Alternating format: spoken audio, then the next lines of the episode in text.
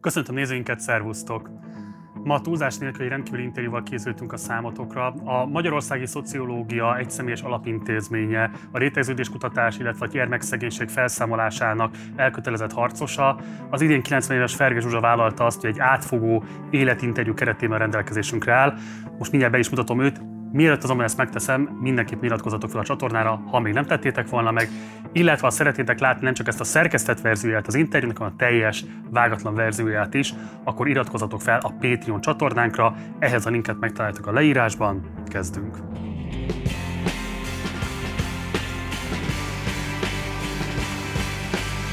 És akkor Szervus Zsuzsa, nagy szeretettel köszöntelek az adásban. Köszönöm, hogy itt vagytok. És akkor hát mindenek előtt a teljes partizán stáb szeretnék boldog születésnapot kívánni neked. Köszönöm. Ugye arra vállalkoztál, hogy egy átfogó életinterjú keretében állsz a rendelkezésünkre, ezért most elég messzire, 90 évvel ezelőttig kell visszamennünk. 1931-ben születtél. Igaz. Nagyon sok olyan nézőnk van, akinek talán történelem óra ismeretei vannak erről a korszakról, ezért szeretném, hogy egy picit beszélni arról, mit jelentett 1931-ben Magyarországon egy zsidó családban megszületnie egy lánynak. Hát ugye az első évekre nem igazán emlékszem. Mondjuk a háború előtti évekről úgy hittük, hogy relatíve védettek vagyunk. Ugye a család tele volt mindenféle első világháborús kitüntetésekkel, meg állami kitüntetésekkel. A nagyapám az áll, építészmérnök volt, de az állami építészeti hivatalban volt főmérnök, vagy annak a vezetője volt. Sokat, rengeteg utat épített Magyarországon. Az apám a Peszter volt a felelős szerkesztője, a másik nagyapám az Makón volt, a makói főrabbi volt, de Makón is olyan, ugye a három, három tiszteletes volt, azt hiszem a kalvinista, nem tudom pontosan melyik keresztény egyház és a zsidó rabbi hárman délutánonként együtt sétáltak, és a makói lakosok kedvesen köszöntötték ők hármukat. Tehát én nem az antiszemitizmust természetesen pontosan tudtuk, hogy van, és természetesen bizonyos hát, ízelítőket itt-ott kaptunk belőle, személyeset is, általánost is, de rettegés még nem volt bennünk, hogy ez, ez hova vezethet. Ez olyan, tört, tudtuk azt is, hogy a történelemben végigment, ezt tudtuk azt is, hogy ki akarnak pusztítani, de valahogy úgy éreztük, hogy ez itt nem történhet meg. Utólag visszanézve, normalizálódott a környezetetekben saját magatokban is az a zsidó ellenesség, ami általában jellemezte Magyarországot, vakok voltatok azzal a veszélyel kapcsolatban, ami ugye később egyébként édesapádnak is a halálát okozta. Hogyan értékeled a későbbi időkből visszanézve a 30-as évek zsidó ellenességét Magyarországon? Nagyon nehéz erre válaszolni, mert az antiszemitizmus mindig volt, mindig van, és zsidó se kell hozzá. Csepedi Gyurinak van egy nagyon jó könyve, az a cím, hogy egy zsidó se kell hozzá ahhoz, hogy antiszemitizmus legyen. E, mindenféle kisebbséggel szemben mindenféle előítéletek és gyűlöletek vannak. A zsidók annyiban kiemeltek, hogy az európai történelmet végigkísérték. E, nagyon nehezen tudnék arra, tehát az, hogy ez van, létezik, ezt tudtuk. E, bennünket személyesen csak nagyon ritkán érintett, ahol a szép halma Mária remete mellett, ahol nyáron laktunk, ott időnként bekiabáltak a szomszédok vagy, a, vagy gyerekek egy-egy e, antiszemita jelszót, de, de nem, hogy mondjam, közvetlenül ez, ez kevés érintett, és az a szorongás, a fenyegető pusztítás az megtörténhet. Még egyszer mondom, ez, ez nem, azt gondoltuk, hogy nem lehet. Később egy írásodban leírod azt, hogy a 41-es kassai bombázás volt, ami megváltoztatta a percepciótokat a világháború alakulásával kapcsolatban, és onnantól kezdve egyértelmű volt számotokra, hogy Magyarország nem fogja tudni megúszni a második világháborút. Ekkor sem kapcsolt be a veszélyérzetetek, hogy adott esetben ez konkrétan a ti bőrötökre is mehet majd? Nézd, még egyszer mondom, nagyon nehezen tudom ezt rekonstruálni, mert a veszélyérzet biztos, hogy megvolt. E, hát ugye az apámat hol elvitték, hol, hol, hol ö, ö, visszahívták a Lloydhoz, hol megint behívták katonának. E, tehát termé- és természetes, hogy volt veszélyérzetünk. E, de igazában ez akkor, akkor vált aktívvá, amikor Horthy Szálas átvette a hatalmat. Tehát ez, ez már 1944. október 15-e volt. E, addig valahogy volt egy olyan remény, hogy nem igazán tudtunk a vidékiekről, és, és Budapest úgy látszott, hogy ez minden, hogy mondjam, hogy nem fogják elpusztítani. És aztán világossá vált, hogy ez nem így van, mármint az anyám számára is világossá vált, és akkor kicsit bonyolult módon, de szerzett hamis papírokat, és egy csodálatos Hajdú János nevű munkás, aki egy barátjánál, az apám egy barátjánál dolgozott, hamisított számunkra papírokat, és aztán magával vitt a Sibrik telepi lakásukba, egy egyszobás munká, egy munkásházakat építettek sorba, ma is megvan a Sibrik telep, és akkor ők kimentek a konyhába egy pici babával, és az anyámnak és három gyereknek adták a ugyanakkor a ö, szobát. Pince nem volt, az ágyat felfordítottuk, a ilyen vaságyat, és az gondoltuk, ha jön a repesz, akkor megvédettől. A front nagyon hamar átvonult rajtunk, és az első frontvonal az, az egy nagyon jó csapat volt, és azok látták, hogy a nővérem beteg, és hoztak gyógyszert, és lázmírőt, és kaját, és mindent, a második hullám, azt elvittem az nővérem óráját, és aztán harmadik hullám már nem volt ná, ott kőbányán, mert közben elfoglalták Budapestet, és ki, ki kergették a németeket, és akkor az anyám, mint hogy nem volt en, mit enni, csak az a keserű kakaó, amit a kakaógyárból loptunk, bement Pestre, hozta az anyját, meg a nagynényét, és a két öregasszonyal és három gyerekkel szépen elindult gyalog Szegedre, és Kecskemétig mentünk így gyalog, és, és Kecskeméten már volt vonat, és az vitt Szegedig. Úgyhogy, és akkor így értünk Szegedre, ahol sok, minden, minden, hogy mondjam, a zsidókat mind elvitték, de így is sok ismerős volt és kaptunk lakást, és szóval megvoltunk.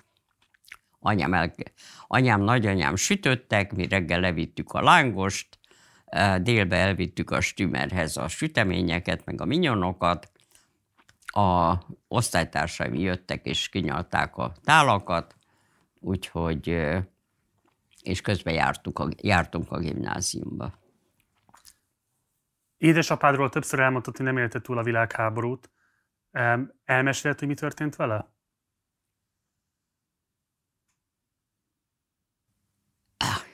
Mondom, kicsit sánta volt, tehát nem hívták be rendszeres munkászolgálatra, e, és a Lloydnál pedig a nevét levették a lapról, de azért ő csinálta továbbra is felelős szerkesztőként a lapot, és aztán a 13. születésnapomon, 44. április 25-én behívták a rabbi képzőbe, ami most a zsidó egyetem, és onnan elvitték Csepelre egy táborba, ahol összegyűjtötték az összes pesti zsidó, nem zsidó újságírót, írót, és ezt a tábort deportálták, és innen nem tudjuk, hogy a vagonban halt-e meg, vagy még, még, még él, élve elérte a koncentrációs tábort, ezt már nem tudjuk. Ez, anyám kereste azokat, akik vele voltak, de azok is mind elpusztultak, úgyhogy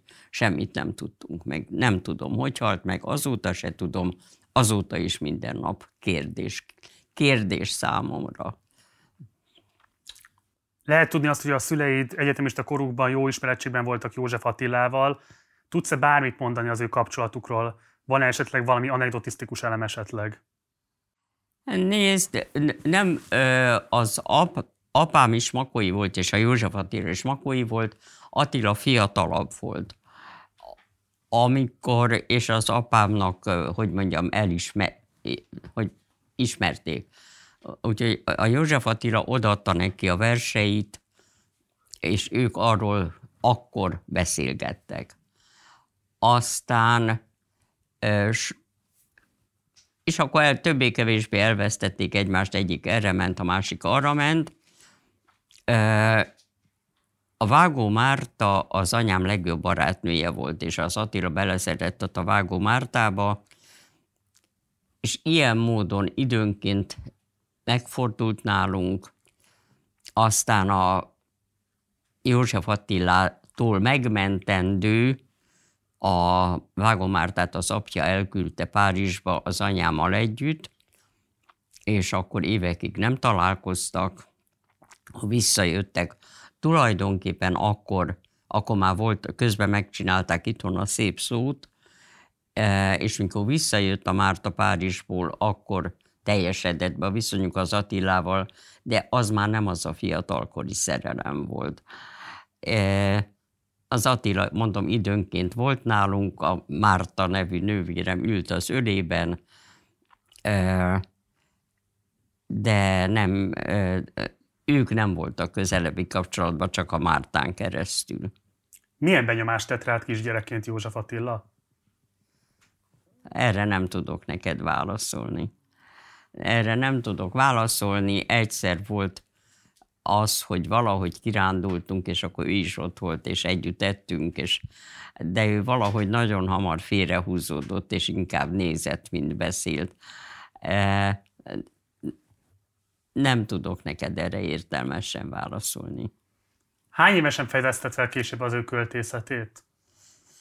E, belenőttem én abba a költészetbe, tehát már akkor, akkor kezdtem olvasni, és, és hát aztán, amit a francia úgy hív, hogy idősöve, tehát az, hogy mindig ott van mellette, mindig a kezem ügyében van, ez így fokozatosan alakult ki. Az, és és igen, hozzám legközelebb álló költő, mondom, furcsa módon és nagyon eltérő módon a másik ilyen közéli költőm Arany János, és aztán, aztán hosszú szünet. Egy dolgot szeretném még a szüleiddel kapcsolatban kérdezni. Egy helyütt azt írott, hogy mély lelki beszélgetésekre gyerek és felnőtt között nem nagyon került sor. Emberekről, gyerekekről, társadalmi dolgokról, politikáról, a zsidó kérdésről, Hitlerről, meg könyvekről folyt szó. Um, én téged egy nagyon meleg szívű embernek ismerlek, ezért szeretném kérdezni, hogy a gyerekkorodat um, ezek szerint már egészen kicsi korodtól kezdődően a közéleti kérdések határozták meg otthon is, családi körben? Nem, egyáltalán nem. Nagyon-nagyon-nagyon szeretetteljes családban nőttem fel. E, ezek a beszélgetések ezek a barátokkal, vendégekkel voltak, ami minden héten voltak nálunk, vagy szombaton, vagy vasárnap, 15-en, 20 és mi, nekünk szabad bejárásunk volt, és amit értettünk, azt megértettünk, amit nem, azt nem. És aztán mi gyerekek egymás közt megpróbáltunk, megpróbáltuk megérteni azt, amit egyébként nem értettünk volna. De maga az otthon az egy nagyon-nagyon meleg, barátságos, szeretetteljes közeg volt. Apám is, anyám is hogy mondjam, mi voltunk számukra a legfontosabbak, és az első, ami szabad ideje apámnak volt, azt velünk töltötte, a Márta nővérem különösen közel állt hozzá, neki minden vasárnap reggel egy kis noteszébe rajzolt egy rajzot, az a kis spirálos notesz, a már nővérem haláláig megőrizte. Hogy mondjam, mindent megkaptunk, amit gyerek megkap, megkaphat. Nem annyira, nem voltunk gazdagok, tehát mindig egymás ruháit örököltük, meg anyám ki leereszkedte, meg kibővítette a ruhákat, tehát anyagiakban nem voltunk gazdagok, de minden másban nagyon. Írsz egy helyütt arról, hogy édesanyád hogyan hozta haza a nélkülöző gyerekeket, és ezt úgy írod le, mint egyfajta ilyen ősélményét annak, hogy a szegénység milyen pusztító hatással tud lenni az egészen kicsi emberekre. Mesélj erről egy picit, hogy ez hogy zajlott, illetve hogy benned ez miért raktározódott el ennyire mélyen, és miért pont ez az élmény volt az, amit később meghatározóként írtál le? Hát nézd, a miértre nyilván nem tudok válaszolni, eh, de az egész biztos, hogy ez szokatlan volt, eh, hogy ez, tehát másnál ilyet nem láttam.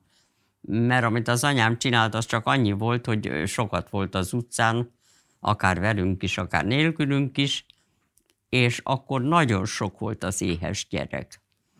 És ha látott egy ö, tíz év alatti, vagy kicsit azon fölüli gyerekekre emlékszem, akikről lerít az, hogy enni kell nekik adni, akkor az kézenfogva hazavitte és megetette, és ennyi.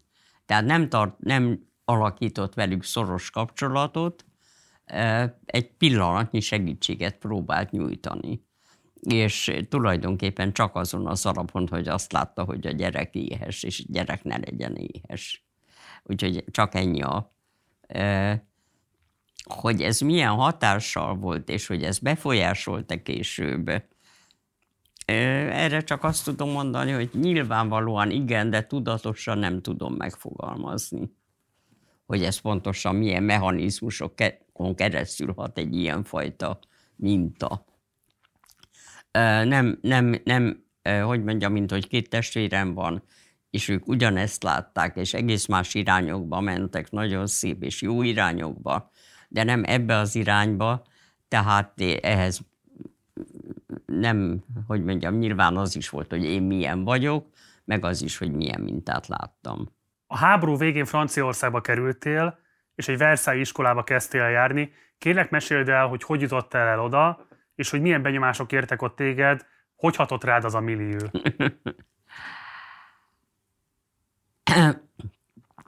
a e, anyám egyik, egyik barátsága a sárközi Bocsánat, egy kis vizet kell innom.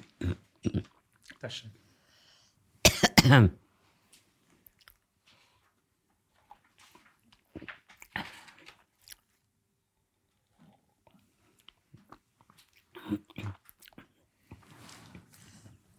Tehát a sárközék voltak, és sárközi György meghalt, ugyanúgy megölték ugyanott, mint a Lászkábort meg a Szervantalt, és a Márta megmaradt, és ő ö, tudta azt ö, valahol a Vas Zoltán feleségén keresztül, hogy két hónapra indulnak vonatok Hollandiába, meg Franciaországba, akik gyerekeket visznek feltáplálni. És mint hogy az anyámnak nem volt pénze, és mi ott voltunk három gyereknek, valahogy elintézte, hogy mind a hármunkat felraktak egy Franciaországba induló vonatra, és az anyámba volt annyi hősiesség, hogy elengedett minket egyedül. Ez egy tiszta gyerekvonat volt. A nővérem közben az apám halálakor mániás depressziót kapott, már a vonatban beteg lett, tehát nekem a vonatban a, arra kellett vigyáznom, hogy ne fedezzék fel, hogy a Márta beteg, mert akkor leraknak minket, és azt reméltem, hogy Párizsban, ahol az anyám egy ideig élt, ott majd csak lesz valaki, aki segít. Te ekkor hány éves voltál, Zsuzsa? Um, 15. Uh, és akkor leszálltunk a vonatról, ott nem kellett keresni, mert már az állomáson az apám tanított egy-két évet a, fiú, a zsidó fiú, fiú gimnáziumban, és ott volt két tanítványa,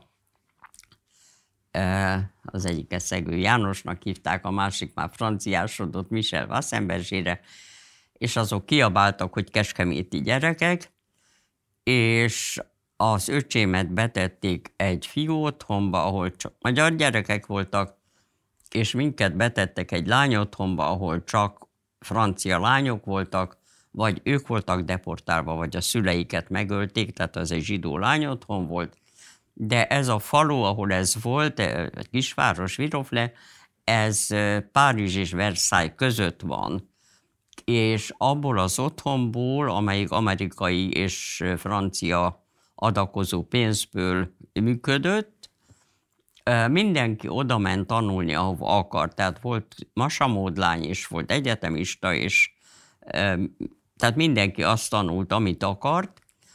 Mi azt mondtuk, hogy mi gimnáziumba szeretnénk járni, és a legközelebbi az a Versailles gimnázium volt, amelyik félúton van a kastély és volt a kastély és a ö, otthon között, busszal kellett menni.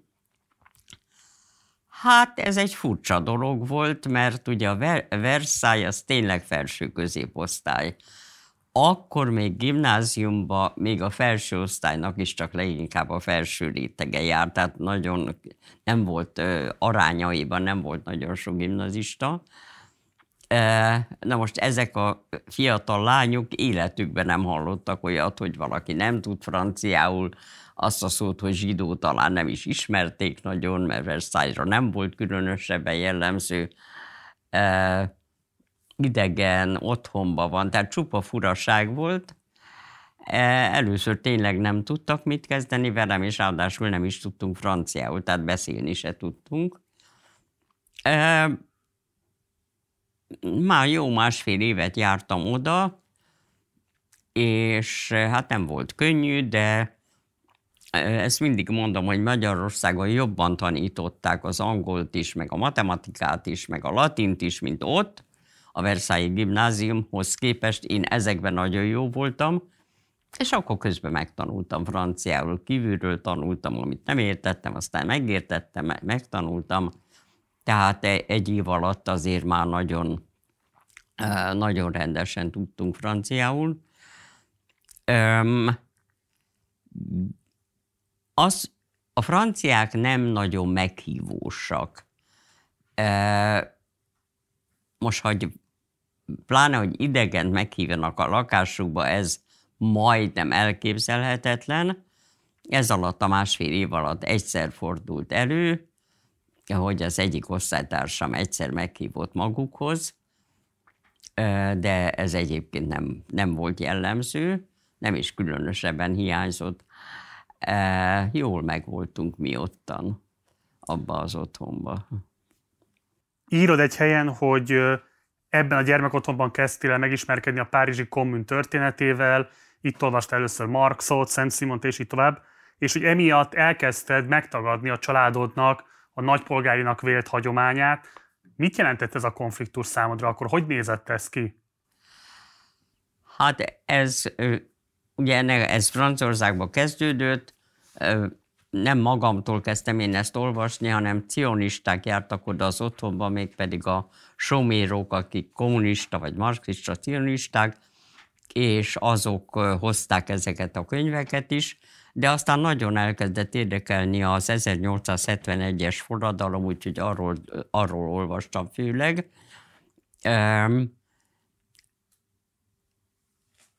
De akkor még nem voltam itthon. E, és amikor hazajöttem, akkor ez igazában azt jelentette, hogy e, a nagyanyámat, aki méltóságos asszony volt, és nagyon tudatos méltóságos asszony volt, nagyon sokáig nem nem kerestem meg, tehát mit tudom én, eltartott egy évig, hogy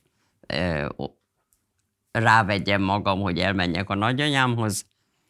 A többiekkel meg fokozatos, többiek meg, hogy mondjam, fokozatosan elmúlt ez a nagyon nagy különállás, és aztán valahogy normalizálódott a családdal való kapcsolatom is. Hát ugye az, hogy az apám nem volt, az, az, az egy akkora űr volt, amit nem, nem lehetett betölteni. És, de mondom, aztán, aztán valahogy mégis ez a, ez a nagy lendület, ez elmúlt. Miért jöttél vissza Franciaországból Magyarországra? Azért, mert az anyám azt szerette volna, hogyha hazajöjjünk, hogy, hogy hazajöjjünk.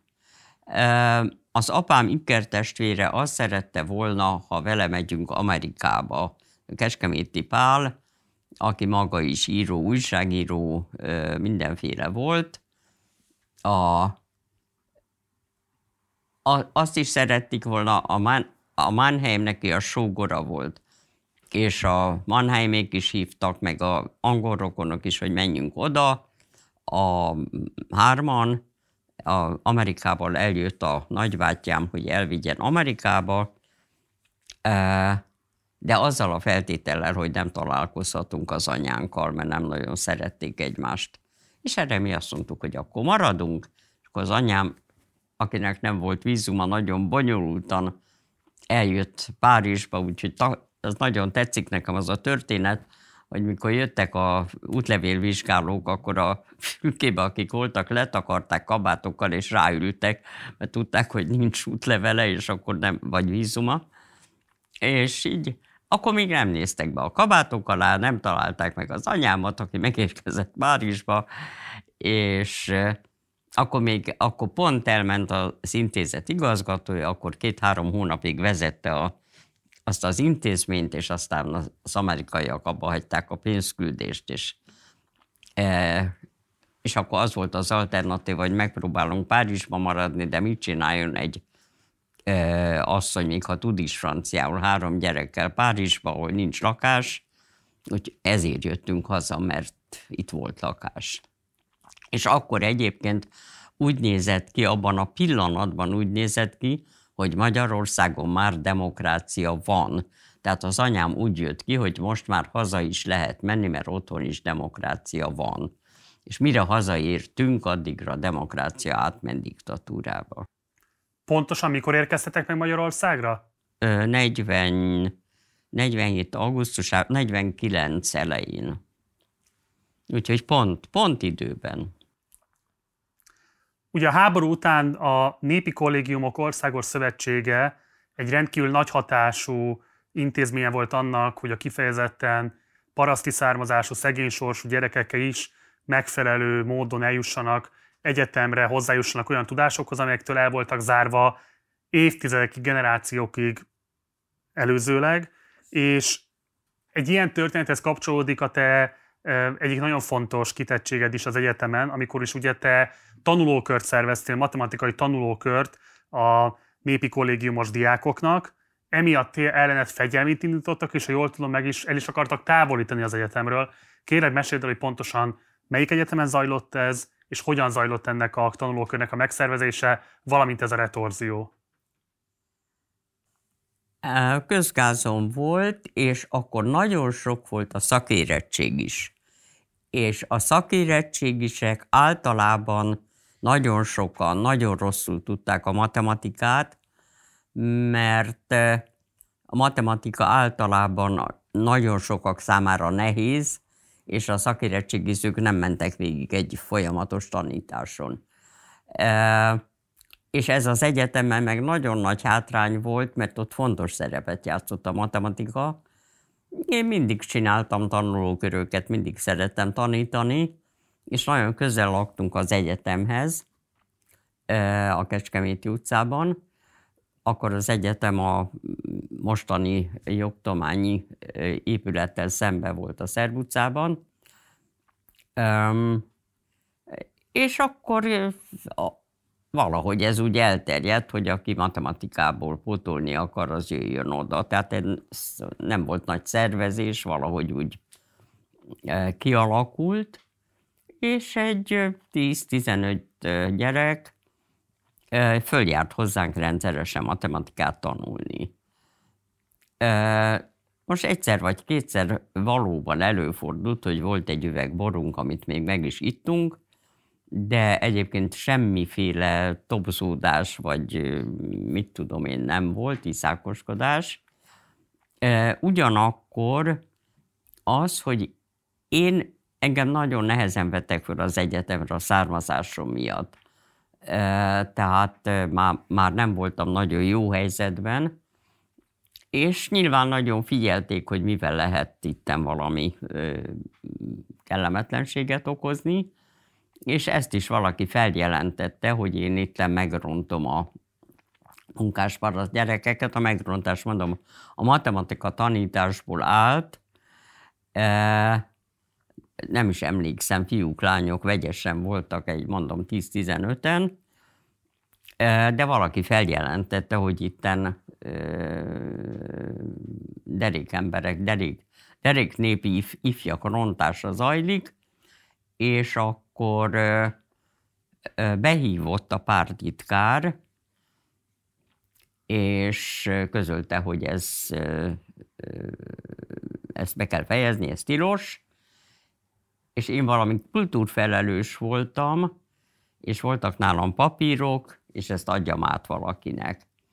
És az a valaki, akinek ezt át kellett adnom, az, akkor még a Szerv utcában voltunk, és ott volt egy pad az egyetem előtt, ült, és én mellé ültem, és odaadtam neki ezeket a papírokat, és ez volt a Ferge Sándor, aki ő, ő maga a tiszacsegei, eh, hogy mondjam, eh, a, pontosan az a típus volt, aki, aki az ideális egyetemista polgáriba járt, és aztán a polgáriból került át a Nékozba, Debrecenbe, és onnan jött az egyetemre, és szegény család volt, és az apja kubikos volt, e, úgyhogy akkor be is hívott az országos titkár, és közölte velünk, hogy e, nekünk, tehát nekem nem lehet a Ferge Sándort, e, Ferge Sándorral járni, mert tönkreteszem a karrierjét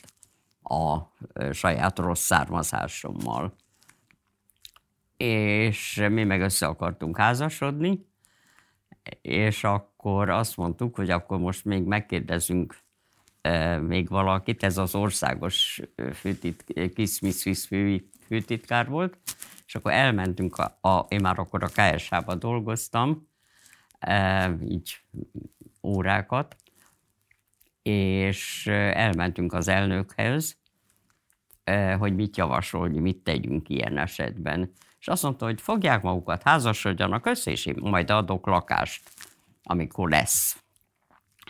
És akkor albéletben laktunk, e, és mikor a második gyerekünk, az Anna született, akkor szólt a KSA elnöke, hogy van lakás, és akkor itt lett párom is, meg gyerekem is, meg lakásunk is, ami soká laktunk ott, onnan költöztünk a nem nagyon soká, négy-öt évet, és aztán valahogy elcseréltük az Alma utcára. Úgyhogy ennek, ennek a fegyelmének én nagyon sokat köszönhetek. Most átugrottuk azt a részt, hogy hogyan kerültél a KSH-hoz. Kérek egy picit mesélj erről, illetve mesélj arról is, hogy akkoriban az egyetemista éveidben milyen önképed volt, milyen pályaképed volt, milyen ambícióid voltak, hogy tekintettél magadra, mi lesz belőled? Igazi pályaképen nem volt, tanítani szerettem, úgyhogy az álmaim ne továbbja az volt, hogy egyetemi tanár szeretnék lenni. Ez volt az egyetlen vágyam, ha megfogalmazható vágyakról beszélünk. Hogy hogy kerültem a KSH-ba? Látod, ezen még sose gondolkoztam el igazán. Azt tudom, hogy pénzre volt szükségem, tehát valamit dolgozni kellett, és már nem tudom, hogy talán az Zala Júlia nevű főosztályvezető tanított, és hozzámentem oda, hogy tud-e valami állást adni, és akkor először ilyen órákat kaptam, aztán félállást kaptam, és mikor már majdnem végeztem, akkor kaptam teljes állást. Tehát igazából én kéreckedtem a KSH-ba, de a számokat mindig szerettem. Te ekkoriban baloldali marxista emberként gondoltál magadra? Én sose voltam marxista. Én nem Soha is... nem volt ilyen identitásod? Hm? Hm? Soha nem volt ilyen identitásod?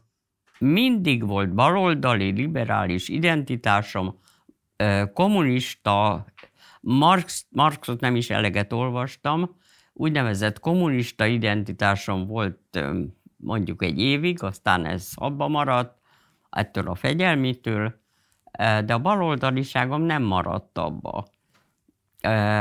Tehát pártag, soha nem léptem vissza, aztán a főnököm mondta, hogy lépjek be a pártba, mert ha nem lépek be, akkor nem fogom sokra vinni. Mondtam, azért nem lépek be, mert ezen az alapon nem akarom sokra vinni. Úgyhogy párton kívüli maradtam. És, és nem vittem nagyon sokra, de nagyon megtanultam a statisztikát, és amíg a Huszár Tibor át nem hívott az egyetemre, addig, addig azt csináltam. Az egyetemen, mondom, statisztikát nagyon korán elkezdtem tanítani, ugyancsak a, a Beren többször át akart hívni, de oda nem vette, arra az egyetemre nem vettek föl, mert nem voltam pártag. A Huszár hívott órákat adni, azt megengedték, és aztán már később valamikor a 80-as évek végén azt is megengedték, hogy ott állásom legyen. Akkor már nem kellett a pártagság. A rákosi diktatúrát, ami egy ilyen szélsőségesen nacionalista diktatúra volt, hogyan élted meg? Ugye te ebben, ezekben az években végig a KSH-nál dolgoztál, írsz arról több helyen, hogy a KSH-nál látott valóság, és az, ami egyébként meg zajlott, vagy ömlött a propagandából, az mennyire diszonánsan állt össze benned. Tehát hogyan élted meg a Rákosi diktatúrának ezeket az éveit egészen az 56-os forradalomig? Azt hiszem, hogy már említettem, hogy, hogy vagy egy évig voltam ilyen elvarásolt kommunista, aztán ez abba maradt, nem voltam elvarásolva. E, és amikor a Petőfi elkezdődött, már nem tudom pontosan mikor, akkor a férjem oda elkezdtünk járni. E, tehát a Petőfi minden e, összejövetelén ott voltunk, és ez tulajdonképpen egyenesen vitt oda, hogy, hogy a, amikor kitört az 56-os forradalom, akkor, akkor nekünk ott van a helyünk, ami azt jelentette, hogy ott voltunk a Bemtéren, aztán a, én nekem haza kellett menni a gyerekekhez, a Sanyi ment tovább. De fegyvert neki nem sikerült szerezni, és ezért aztán őt nem is csukták le, meg nem is, szóval végül is a pénzügyből lefokozták valami kis fiókba, tették egy jó pár évre, de nagyobb büntetés nem kapott. Te az október 23-ától november 4-ig tartó időszakban mit csináltál? otthon voltam és próbáltam próbáltam élelmet szerezni a családnak. Így volt az, hogy a, az öcsém, aki a Nyúl utcába bujkált, összetalálkoztam a Nyúl utca sarkán, és ővele nagyon-nagyon jó viszony volt mindig, és akkor a Károly azt mondta, hogy szia, én most megyek Párizsba. Ő levéltáros volt, és tehát Franciaországban még jobban megtanult, mert fiatalabb volt, tehát nagyon jól tudott franciául, és mikor itt volt a francia levéltár vezetője, ő tolmácsolt, és a levéltár vezetője azt mondta, hogy ha Párizsban jár, akkor jöjjön a levéltárba. És akkor a Károly úgy gondolta, hogy most van az, hogy ha Párizsba jár, elment Párizsba, beült a levéltárba, azonnal kapott állást és sok évtizeden át volt, aztán a Nemzetközi Levéltári Tanács vezetője volt. most halt meg, nem, két hete, de, de végig nagyon szoros kapcsolatban voltunk, úgyhogy ez nagyjából ennyi. Baloldali emberként tápláltál reményeket a forradalommal kapcsolatban? Ugye ez volt az, az időszak, amikor megindultak a munkástanácsok, azt lehetett remélni, hogy egy nagy demokratizálási hullám söpör végig az országon, dolgozói tulajdonba kerülnek végre a termelőeszközök, a gyárak, megindulhat végre tényleg egy olyan baloldali fordulat, ami, ami azt eredményezheti, hogy megszűnik az a fajta kizsákmányoló, autoriter karaktere a hatalomgyakorlásnak, ami addig jellemezte Magyarországot. Voltak benned reménykedések ilyen szempontból? Együtt dolgoztam egy Zsámboki Zoltán nevű ö, nagyon ö, kiváló emberrel, aki abszolút forradalmár volt, és azonnal elindított egy lapot, amit már nem tudom, mi volt pontosan a címe, ami folytatni akarta a forradalmat, és én nagyjából elhittem, hogy lesz márciusi újrakezdés, ez volt a MUK, a már, márciusban újra kezdjük, és én ehhez csatlakoztam, és a Sámbokit aztán márciusban lecsukták, ezzel a muknak is vége lett, és az én forradalmi múltamnak is vége lett, és az újságnak is vége lett. Engem, engem csak egy napra hívtak be, de elengedtek. 58-ban indul el az a rétegződés kutatás, ami a te szociológusi munkásságodnak az egyik első igazán meghatározó mérföldköve lesz. Ennek az eredményét 1966-ban publikáljátok majd. Kérlek, hogy kezdj el arról mesélni, hogy miért volt szükség erre a rétegződés kutatásra, mi az, amit az akkori korszak terminusaival nem lehetett leírni a társadalmi valóságot illetően? Hát ugye az alapvető első számú probléma az volt, hogy a hivatalos kép, a hivatalos sztálini kép arról a társadalomról az volt, hogy az egy kétosztályos, egyréteges társadalom, van benne egy munkásosztály, meg egy parasztosztály, meg egy futottak még értelmiség. Én pedig egyrészt volt szemem, másrészt ott voltak a számok.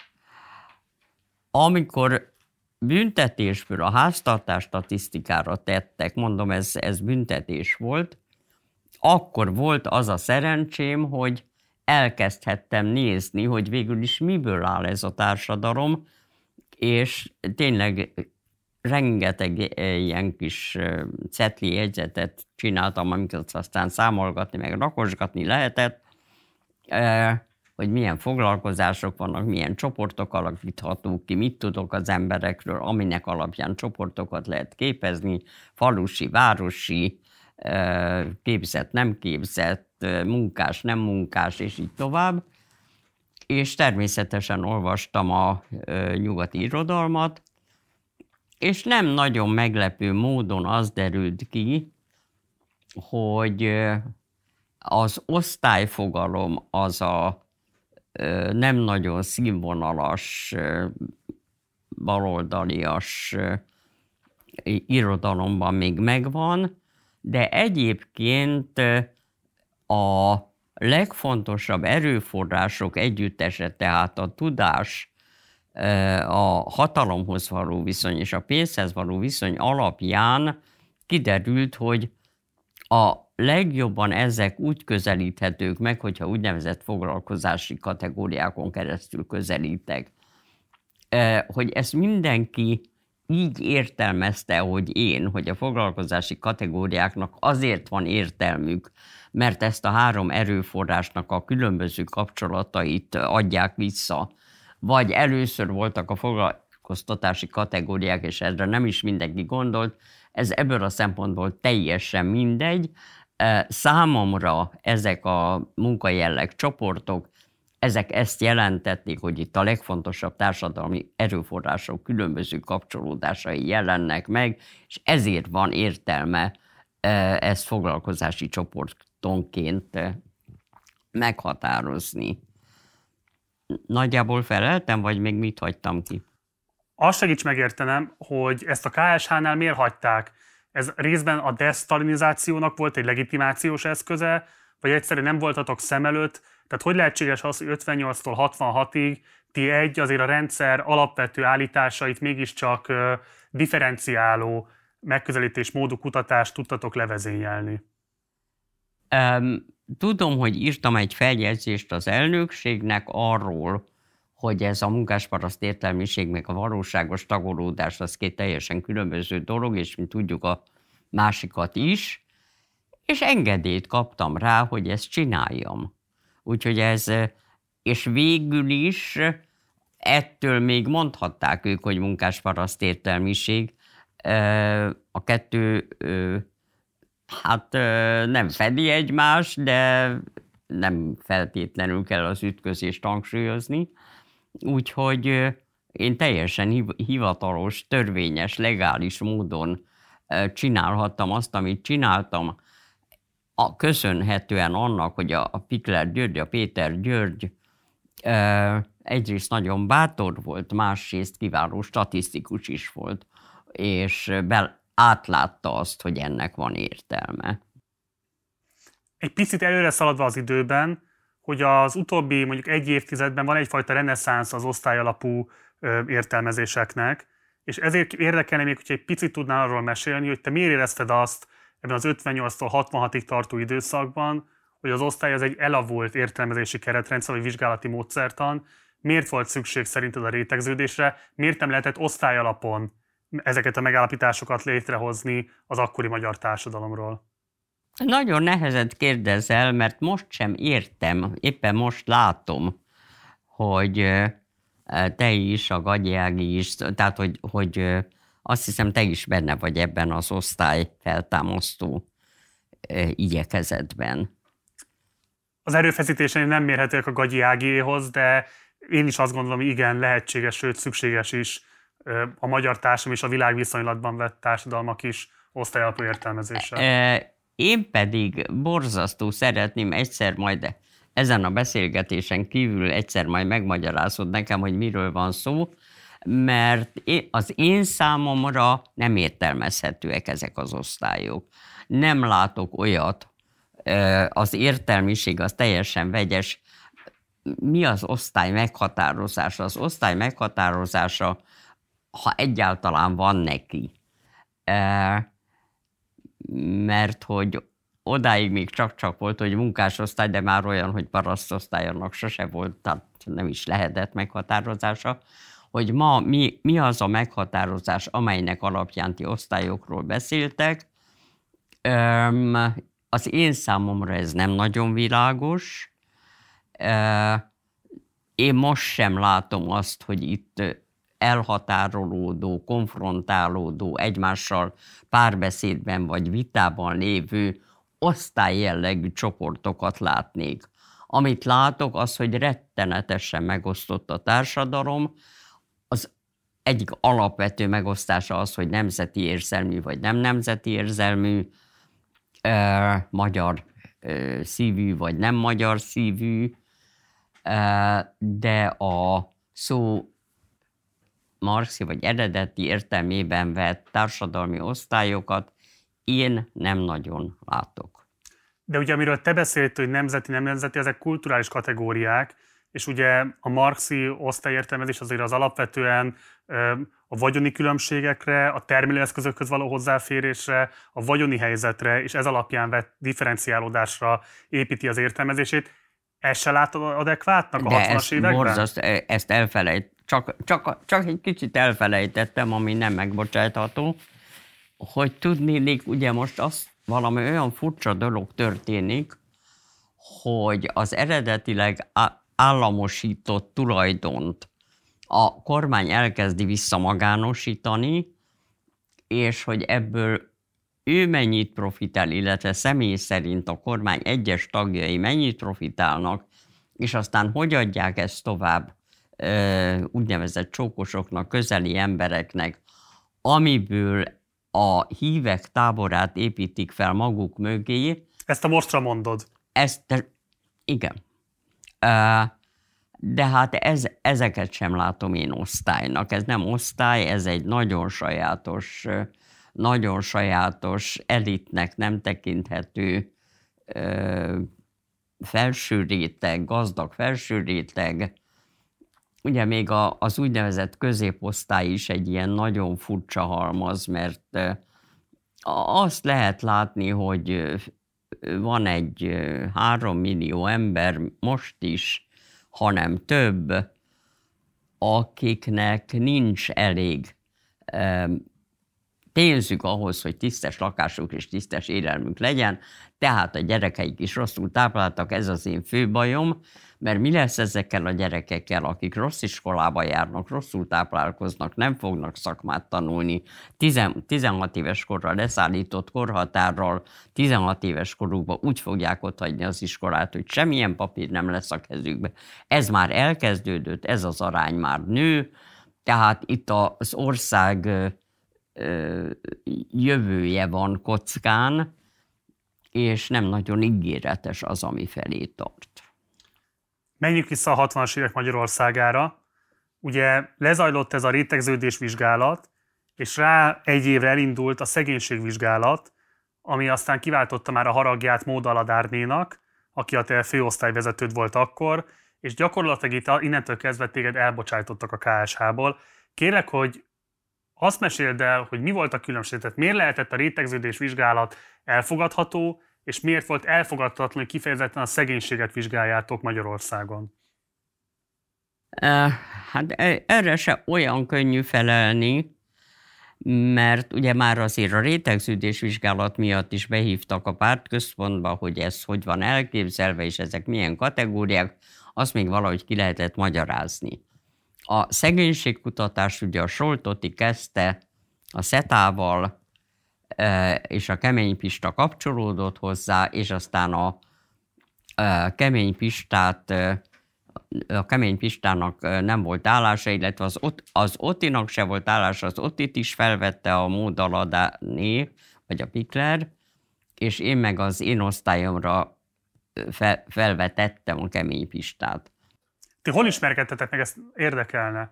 Kemény István ugye egy másik meghatározó figurája valakjával a magyarországi szociológiának. Hol ismerkedtetek meg, és hogyan Kemény Istvánnal?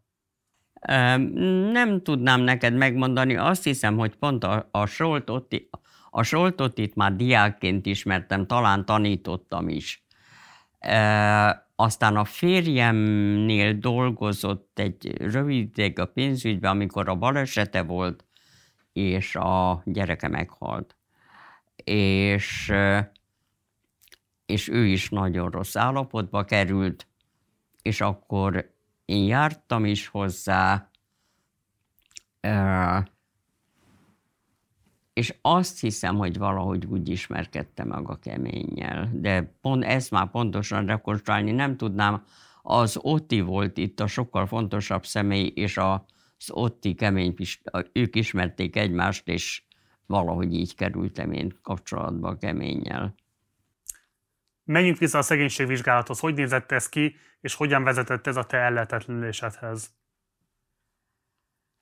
Tehát a keményig kezdték a szegényvizsgálatot, vagy a szegénység ilyen-olyan vizsgálatát, és akkor a keménnyel megbeszéltük, hogy akkor most egy olyan reprezentatív vizsgálatot fogunk próbálni a KSH-n belül csinálni, amelyik nem kifejezetten, ugye, ha csak a szegénységet vizsgálod, akkor nem tudod.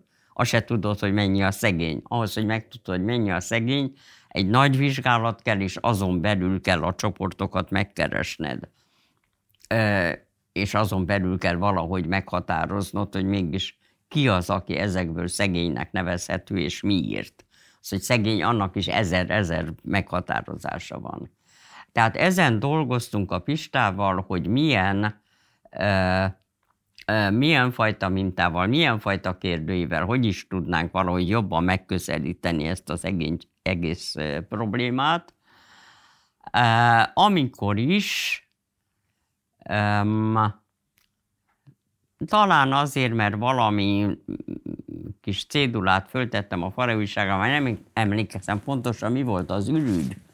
Egyszerre csak behivatott a modni, és azt mondta, hogy el vagyok bocsájtva, mert nem megfelelően reagáltam erre, vagy ez nagyon közel, tehát a Péter György, a Pikler György, aki engem odavett, meghalt, és tulajdonképpen akkor kerültem én ki a KSH-ból. Tehát úgy, hogy kirúgtak magyarul. Hogy pontosan miért, még egyszer mondom, azt nem lehet tudni, de az biztos, hogy a szegénységvizsgálatnak ez annyi köze volt, hogy a hatalom nem volt hajlandó elfogadni a szegény kifejezést.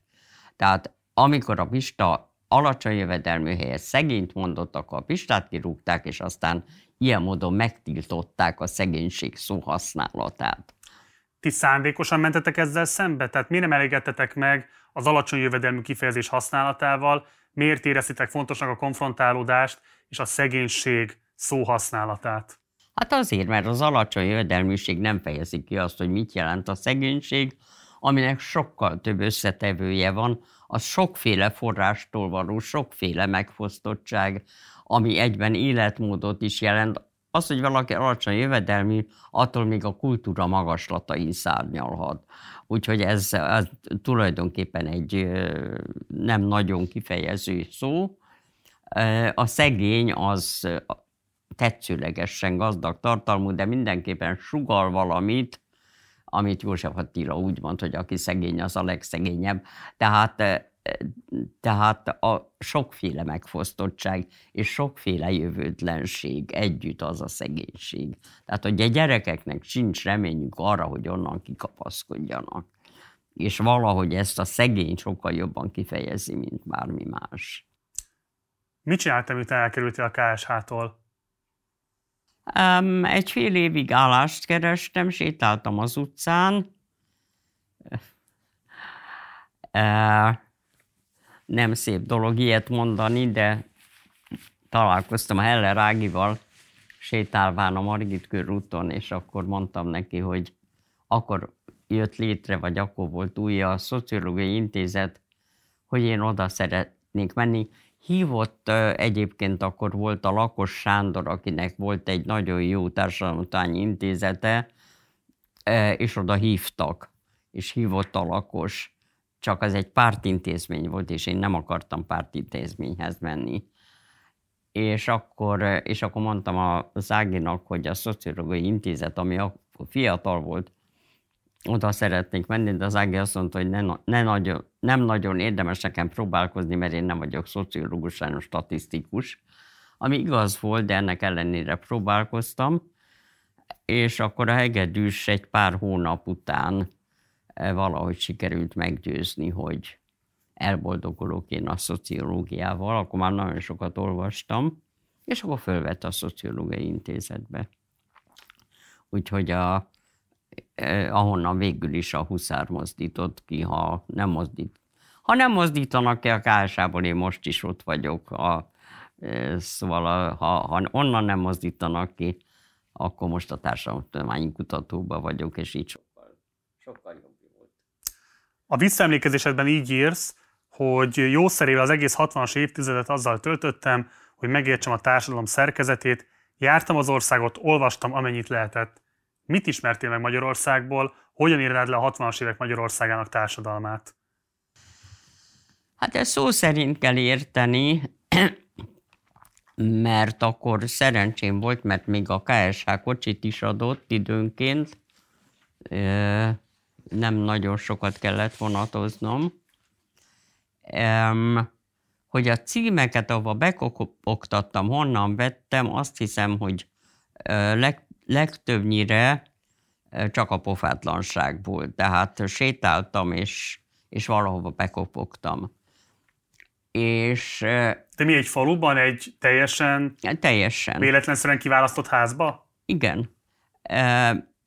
Azt tapasztaltam, hogy abban a pillanatban, hogy elkezdesz érdeklődni az emberek után, az életük után, akkor ez nem gyakran történik meg, hogy valakit érdekelsz. És, ezt, és akkor elkezdenek megnyílni. Tehát nem emlékszem arra, hogy valahonnan kidobtak volna. És akkor ilyen módon egy csomó ilyen véletlen beszélgetést csináltam. És ezeknek a véletlen beszélgetéseknek, személyes beszélgetéseknek az alapján kezdett bennem kialakulni az, hogy e, tulajdonképpen milyen, e, tulajdonképpen hogy is kéne ezt megnézni, hogy miből áll ez a társadalom, úgyhogy az akkor már érvényes, statisztikailag érvényes legyen. De ezek nélkül én egyébként minden, minden fel, felvétel előtt rengeteget jártam emberekhez, hogy tudjam, hogy uh, milyen szaga van a, uh, annak az asztalsaroknak, ami mellett a Pistike írja a leckét. Szóval uh, ez nem volt új, csak akkor nagyon sokat jártam, és akkor ezen az alapon ezt de mit láttál? Ugye ez az az évtized, amikor egy hatalmas modernitási váltás elindul az országban, ezer számra épülnek az otthonok, megindul egy erőteljes urbanizáció, tehát hogyan látod ezt a társadalmi átalakulást a 60-as években, hogyan látod a szegénységnek az átalakulását, adott esetben mérsékelődését, mit tapasztaltál ezzel kapcsolatban? Nem tudok neked erre válaszolni, egyáltalán nem tudok válaszolni, mert hogy mondjam, ezt a fajta makrováltozást a mikróból, tehát az egyes családokból, sorsából nem tudom levezetni. Úgy, úgyhogy fogalmam nincs, hogy innen oda milyen fajta út vezet.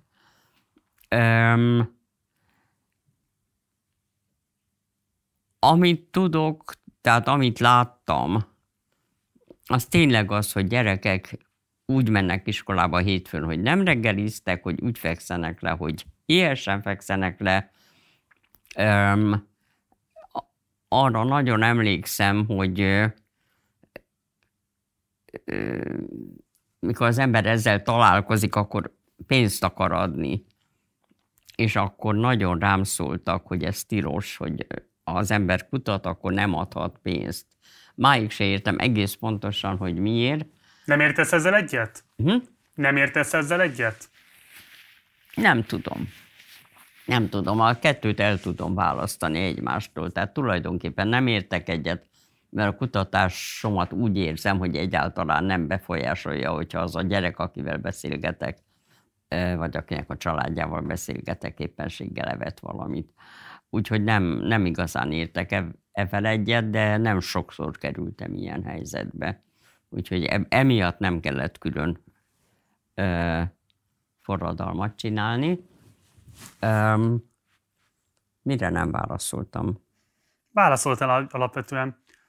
A 60-as éveknek van egy másik fontos hozadéka a számodra, nevezetesen, hogy találkozol Párizsban Bourdieu-vel, illetve hogy jársz a világba olvasol, és találkozol azokkal az alapvető, meghatározó szakmai szereplőkkel, akik kimutathatóan jelentős hatást gyakoroltak rád. Rengeteg kérdés van ehhez kapcsolódóan. Hogyan jutsz ki a 60-as években Magyarországból Párizsba? A nyugat rettenetesen éhes volt kelet-európai uh, kollégákra, uh, pénzük is volt hozzá, ember nem volt, mert nagyon keveset tudtak nyelveket és ezért nagyon egy-két ember tudtak meghívni, akik, akik angolul vagy franciául tudtak. A fordítás soha nem ugyanaz. Tehát én, hogy úgy mondjam, nagyon kapós voltam a külföldiek számára, mert tudtam nyelvet, ráadásul ez egy olyan időszak volt, amikor még az is fontos, hogy valaki nő, vagy, tehát az még előnyt is jelentett ebből a szempontból és így aztán sok meghívást kaptam hosszabb tanításra is. Az egyik világkongresszuson találkoztam az angol szegénységkutatás vezetőjével, a Peter Townsend-del. Townsend meghívott egy három hónapra Essexbe tanítani, és Párizsban pedig én mentem emberről emberre, kerestem olyan szociológust, akivel erről a társadalmi összetételről tudnék beszélni. Legalább 20 szociológusnál voltam, és akkor az Áron küldött el, a Burgyő akkor alapította az intézetét, uh, Szanton és Social European címen, emlékszem arra is, hogy pontosan hol volt a Luxemburg uh, uh, metróállomáshoz egész közel, a Herceg, Herceg úr utcában, um, egy pici kétszobás valami volt, az első intézet, és, és valóban az történt, hogy ő akkor fejezte be az algériai társadalom kutatását. És ugyancsak olyan fajta terminusokban, meg olyan fajta módon látta azt, mint ahogy én Magyarországot. Tehát tudtunk valóban beszélgetni, és hát ebből egy ilyen tartós szakmai barátság lett, ami nem tartott egész a Burgyi haláláig, mert az utolsó években már kevesebbet foglalkoztam én is ezzel, meg talán ő is, és 2000-ben meghalt. De aztán családilag is jobban lettünk, meg is Sanyival együtt meghívtak.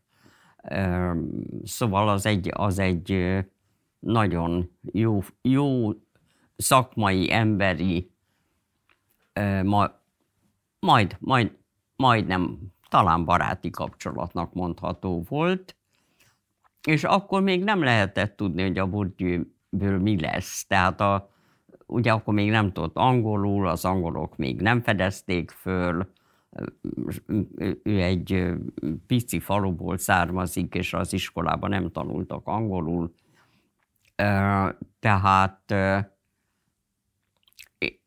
ugyanakkor mondom, kereste a kapcsolatokat, tehát ez egy teljesen, teljesen természetes volt, hogy ő, ő lett az a francia kollega, ő meg az ő egyik munkatársa, Castel, akik a legszorosabb szakmai barátaim lettek. És ez azt hiszem, hogy ez valóban rengeteget tanultam tőle. Hogyan viszonyult Burgyi a keleti blokkhoz? Tehát milyen tudás volt róla, róla hogyan vélekedett erről a kérdésről, illetve volt-e bármilyen érintkezésed a 68-as diákmozgalommal kint? azt hiszem 68-ban éppen kim voltam, de nem volt különösebb kapcsolatom velük, és az, hogy Bourdieu mennyire érdekelte, nem nagyon. Nem, nem, nem tapasztaltam soha azt, hogy a szakmai kapcsolatnak bármilyen annyira érdekelte, hogy eljött egyszer körülnézni, ide is, elment Bulgáriába is, a, a világkongresszusra, Magyarországra, már nem tudom pontosan milyen meghívással jött, egy csomó kollégámmal találkozott, összeismerkedett, kapcsolatba is maradtak. Ott többen tudtak franciául, úgyhogy azok nagyon jó kapcsolattá alakultak. De nem, azt hiszem, mint keleti blokk nem érdekeltük különösebben. Nem, ne, a politika nem dominált ebben a, tehát a szakmaiság és a politika tudnak függetleníteni, tűdni egymástól, pontosabban nagyon nagy baja nem függetlenednek egymástól, noha természetesen mindig vannak mindenféle értékek a szakmában is, de azok nem a pillanatnyi hatalmi politika értékei. Úgyhogy azt gondolom, hogy ez nem, nem játszott szerepet ebben. A Burgyével, illetve a townsend kapcsolatos, vagy a folytatott kapcsolatod arra hogyan tekintett a magyarországi apparátus? Tehát hogyan engedtek ki téged Essexbe tanítani három hónapon keresztül? Um, hmm. Azt tudom, hogy ben voltam a pártközpontba, és hosszan magyaráztam, hogy ez miért jó Magyarországnak.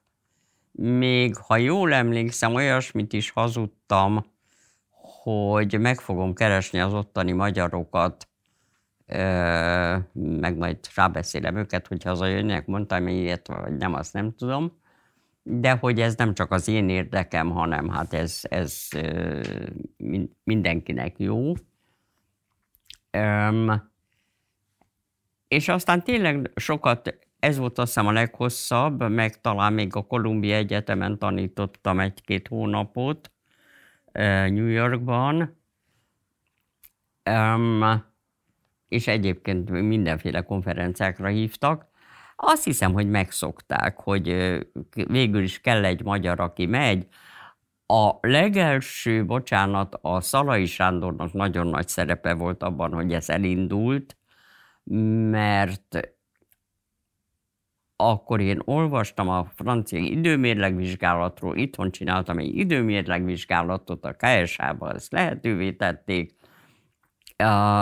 és azt a Szalai Sándor megihlette, aki akkor ugye a vezető magyar szociológus volt, e, külföldön legismertebb, és, és ő volt az, aki számomra lehetővé tette, vagy meghívott, vagy meghívatott a első, aztán Bulgáriában volt az a világkongresszus, ahol az időmérlegről kellett nekem beszámolni, és aztán valahogy bekerültem a nemzetközi vérkeringesbe, de azt hiszem, hogy eredetileg a Szalai és a Townsend volt az a két ember, aki valahogy ebbe, ebbe belevitt. Kellett valaha jelentened, vagy jelentéseket írnod a kinti élményeidről? Dolgozott rád bármelyen szerinten a szolgálatok bármelyike? Um, azért válaszolok ilyen nehezen, mert hold biztos, hogy mindegyikről kellett jelentést írnom, és hold biztos, hogy a jelentésben semmi olyat nem írtam, aminek jelentés, jelentősége lett volna. Tehát egyáltalában nem csináltam róluk másolatot, de nem, nem írtam semmit, ami érdekes lett volna, és aztán valahogy úgy ezt megszokták, hogy én belőlem, én tőlem nem tudnak meg semmit. És akkor um, egy, egy, egyetlen egyszer hívtak be, de akkor sem, azt mondtam, de annak se volt semmilyen kellemetlen utó, vagy nem éreztem kellemetlen utóhatást. Az, hogy a KSH-ba maradtam, tehát ott megcsináltam azt a kis csoportot, annak a csoportnak a vezetője maradtam, amíg ott voltam, ez meg nekem nagyon jó volt, tehát nagyon jó volt, hogy nem mentem följebb, nem akartam főosztályvezető lenni mert ugye ott van egy ilyen szamár létra, de én nagyon jó helyen voltam ott, ahol voltam. Azt feltételezném a mából visszanézve, hogy ez egy kivételes pozíció lehetett, hogy neked ilyen nyugati szakmai kapcsolataid voltak. Ez szülte veled szemben bármifajta szakmai féltékenységet, irítséget? Hogyan tekintett a hazai szakma arra, hogy neked ilyen lehetőségeid vannak? Én nem hiszem, hogy ö, ö, bárki irigye. Nem tudom, nem tudok rá neked válaszolni senkivel nem voltam olyan kapcsolatban, hogy ezt érzékeltem volna, akik a barátaim voltak, azok ezt ennek örültek, vagy ezt támogatták, vagy ezt helyeselték, elfogadták. Én nem emlékszem különösebb irítségre. Egyébként azt hiszem, hogy lehet, hogy engem kicsit gyakrabban hívtak meg, mint mást, de akkor már, mikor először az első időszakban, akkor még nagyon ritka volt a külföldi utazás, de aztán egyre gyakoribb lett, úgyhogy ez már nem volt unikum. Burgyőre visszatérve, tehát neki ugye van egy olyan felfogása a szociológiáról, és ugye általán a szociológusi szerepről, hogy az a dolga a szociológusnak, hogy felszínhozni olyan dolgokat, amiket mindenki más is tud, de hogy a szociológusnak van egy sajátos szemléletmódja és eszköztára, hogy ezeket láthatóvá tegye. Pontosabban a szociológus van birtokában az elleplezett folyamatok felismeréséhez szükséges specifikus tudásnak. Te mit gondolsz erről a szociológusi szerepfelfogásról? Osztod ezt, vagy eltér a te szerepfelfogásod? Mint olyan nagyon sok mindent ebben se szoktam különösebben határozott programokat fogalmazni magamnak. Mondom, hogy amikor szociológus lettem, akkor nem tudtam, hogy mi az, hogy szociológia. Csak azt tudtam, hogy engem érdekel az, hogy, és amit már elmondtam, hogy miből áll a társadalom, és így tovább. Tehát nem, nem tudok én erre a kérdésre jól válaszolni, mert én nem akartam mást, mint megérteni. És hogy ez milyen pozícióval jár, vagy hova visz, ez nagyon kevés érdekelt. De az, hogy a megértéshez milyen szerepet alakítasz ki, milyen eszközöket használsz ennek a megismerésnek a létrehozatalához, erről nyilván van valami gondolatod. Engem ez érdekelne, hogy erről hogyan gondolkodsz. Hát nézd, az egyik oldalon vannak a számok.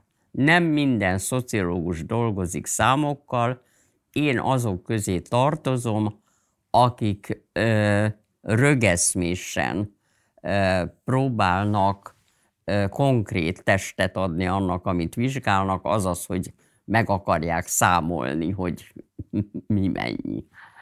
Tehát az én szociológiai közelítésemben a statisztikai jellegű vizsgálatoknak az átlagosnál valószínűleg nagyobb szerepük van, részben, mert így kezdtem, közel van hozzám, részben mert azért, mert tényleg fontosnak tartom. A többi fogalmat, hogy honnan, miért pont így alakultak, hogyan, mi az, ami újat hoztam, ö, tulajdonképpen ami újat, új fogalom, az nem tudom, hogy hány van, de a munka jelleg csoport az biztos, hogy az, azt mindenhol hívják valahogy, de általában úgy hívják, hogy társadalmi-gazdasági csoport, ami szintén igaz rá. Az enyém, az e, sok-sokféle társadalmi-gazdasági csoport van, de amit ezekben a ö, vizsgálatokban én használtam, az annál kevesebb, az csak a munkajelek csoport, és ennyiben a fogalom is új, meg az, amilyen tartalommal kitöltöttem, az is új. Egyébként pedig az, hogy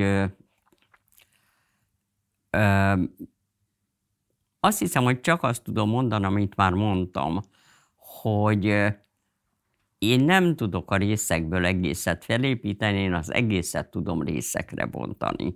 Tehát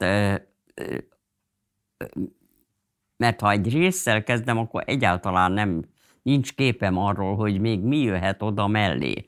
Ha meg az egésszel kezdem, már mint a társadalom egészével, és van egy globális képem arról, hogy ez mi mindenből áll össze, akkor sokkal jobb eszközöm van arra, hogy ezen belül ki tudjam alakítani azt, hogy mégis milyen értelmes részekre tudom ezt tagolni. És akkor Bourdieuhöz visszakanyarodva, hogy ugye ő a 90-es évektől kezdődően egy erőteljes politikai szerepvállalást is kezdett gyakorolni, kifejezetten a neoliberális folyamatok felszámolása, megakadályozása volt az ő agendájára tűzve, és ugye 95-ben a nagy párizsi sztrájkok szervezésében is szerepet vállalt. Te mit gondolsz az ő aktivizmusáról, mit gondolsz az ő ilyetén vállalt politikai szerepfelfogásáról? Hát nézd, Erről soha mi nem beszéltünk, akkor már nem voltunk olyan kapcsolatban. Ha én csak azt tudom mondani, hogy ha ő úgy érezte, hogy e, tennie kell, akkor ezt kellett tennie, a tudományának végül is nem ártott. Tehát én, én nem tudom azt mondani, hogy én ezt helytelenítem, hogy egy tudós aktíva. Ha ő úgy érzi, hogy neki ezt kell tennie, akkor tegye ezt. Ha ezzel tönkreteszi a tudományát, az nagy kár. Adott esetben ez nem következett be. Akkor másképp kérdezem, a társadalmi aktivizmus és a tudományos szerepvállalás közötti összefüggéseket hogyan látod? Ez két élesen különváló dolog, és nem szerencsés, a találkozik, vagy van azért fajta szorosabb összefüggés a kettő között szerinted? Hát nézd, én nem hiszem, hogy van olyan tudós, társadalmi tudós, aki teljesen független tudna maradni a politikától. Valamilyen értelemben a hatalomnak a, ilyen-olyan, amolyan lecsapódásai beszivárognak. Azt gondolom, hogy mindenfajta gondol, minden gondolkodásba, de azért ez a kettő természetesen nem ugyanaz. Tehát a politikai hatalmi rendszerről való gondolkodás és a társadalomról való gondolkodás, ha jól értem, amit mondasz, hogy ezt kérdezed, ez összefügg, de a társadalommal nem lehet foglalkozni a hatalom nélkül, de a hatalom természetével lehet úgy foglalkozni, hogy ezt el, elkülöníted az egésztől, és azt vizsgálod, hogy tulajdonképpen ők milyen eszközöket, milyen hatással, milyen stb. stb. használnak. Tehát a hatalom, a hatalom vizsgálata azt hiszem egy, egyik a hatalom természetének a vizsgálata, magyarán a diktatúra és a demokrácia közötti elhelyezkedése annak, amilyen a hatalom, feltételve azt, hogy, tudjuk, hogy mi a demokrácia és mi a diktatúra, a hatalom működése ebben meghatározó, és azt hiszem önmagában is muszáj vizsgálni. Ugye Bourdieu-nek a neoliberalizmussal személy kritikáját te is osztod, vagy legalábbis többször kifejezted az ilyen neoliberalizáló folyamatokkal szembeni kritikádat. Olyan passzus viszont nem találtunk az életművedben, vagy a nyilatkozataidban, amiben kifejezetten a kapitalizmus kritizáltad volna. Azért, ezért kérdezem, hogy te ö, hogyan viszonyulsz az antikapitalizmushoz, mit gondolsz ö, erről a kérdésről? Én nagyon, pályám kezdetén nagyon antikapitalista voltam, és azt hittem, hogy az a társadalom leváltható és kicserélhető egy másikkal, amit hívjunk akár szocializmusnak is. E, ezt valameddig hittem. E, és aztán valahogy az élet arra felé vitt, hogy úgy lássam, hogy ahol tényleg lecserélik a kapitalizmust, mondjuk Kubában, ott olyan rettenetes erővel hat rájuk a körülöttük lévő világ, hogy amit csinálnak, az csak úgy tud szembe, szembe kerülni azzal a másikkal, hogy közben elveszíti azokat az értékeket, amelyek nevében létrejött. Magyarán ne, ma már úgy látom, hogy a világkapitalizmus mai hatalmi és pénzviszonyai mellett nincs esélye igazi alternatívának. Valami vagy megeszik, vagy elrontják. Tehát ma már nem hiszem azt, hogy van igazi alternatíva, lehet, hogy tévedek, és lehet, hogy van, ezt egyáltalán nem vagyok biztos a dolgomban, de ma úgy érzem, hogy a kapitalizmuson belül van fantasztikus alternatíva sorozat a nagyon egyenlőtlentől a skandináv rendszerű kapitalizmusig, amelyik alulról, felülről korlátos, és mindenkinek biztosít egy minimumot, ami egyébként most már egyre inkább terjed, és a nagyon progresszív adórendszerrel valamilyen fajta maximumot is biztosít, illetve az igazi nagy vagyonok elmennek Svédországból. Tehát úgy látom, hogy a kapitalizmuson belül elképzelhető olyan rendszer, ami demokratikus is, és nem túl egyenlőtlen, és nem ismeri a, és, meg, és a szegénységet sem tűri el. Hadd kérdezek ide akkor valamit, mert úgy ugye az, tehát az északi típusú jóléti államokra utaltál most, de ugye az egyrésztről történetileg determinált a második világháború sokja után, másrésztről a déli államok kizsákmányolásából tudott létrejönni. Tehát mondjuk például jóléti államot Magyarországon azért is nehéz szervezni. Lehetne igazságosabb az elosztás, ez nem kérdés. Lehetne nagyságrendekkel csökkenteni a szegénységet, pláne a gyerekszegénységet, ez nem kérdés, ez politikai akarat, de ez bizonyos szinten túl a világkapitalista termelési rendszerekben elfoglalt strukturális pozíciók miatt nem tudnánk magasabb újraelosztást, nem tudnánk igazi egyenlőséget létrehozni. Erről a kérdésről mit gondolsz? A kapitalizmusnak erről a inherens egyenlőtlenségi újratermelődéséről mit gondolsz?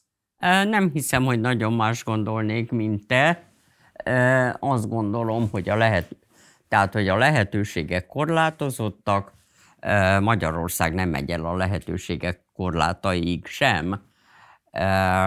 A skandinávok meg talán egy picit még túl is lépnek rajta, de hát ez világkapitalizmus, ez nem egy ország kapitalizmusa, és a világkapitalizmus erői tényleg hatalmasak, tehát nem tudok én erről mást gondolni, mint te. És egy kérdés engedjünk meg az osztályelemzéshez, mert ez nagyon érdekes volt, amit mondtál erről, és hogy azért is érdekelne, hogy mit gondolsz a kapitalizmusról, és hogy mit gondolsz az antikapitalizmusról, mert ugye az osztályelemzés az valamilyen módon azt segít megérteni, hogy azokat a strukturális pozíciókat, amiket a kapitalista termelésben elfoglalunk, azokat egyébként hogyan lehet szintén rendszer szinten értelmezni és láthatóvá tenni. Ebből a szempontból kérdezem, hogy miért van benned egy ilyesfajta averzió az osztályelemzési szemponttal szemben?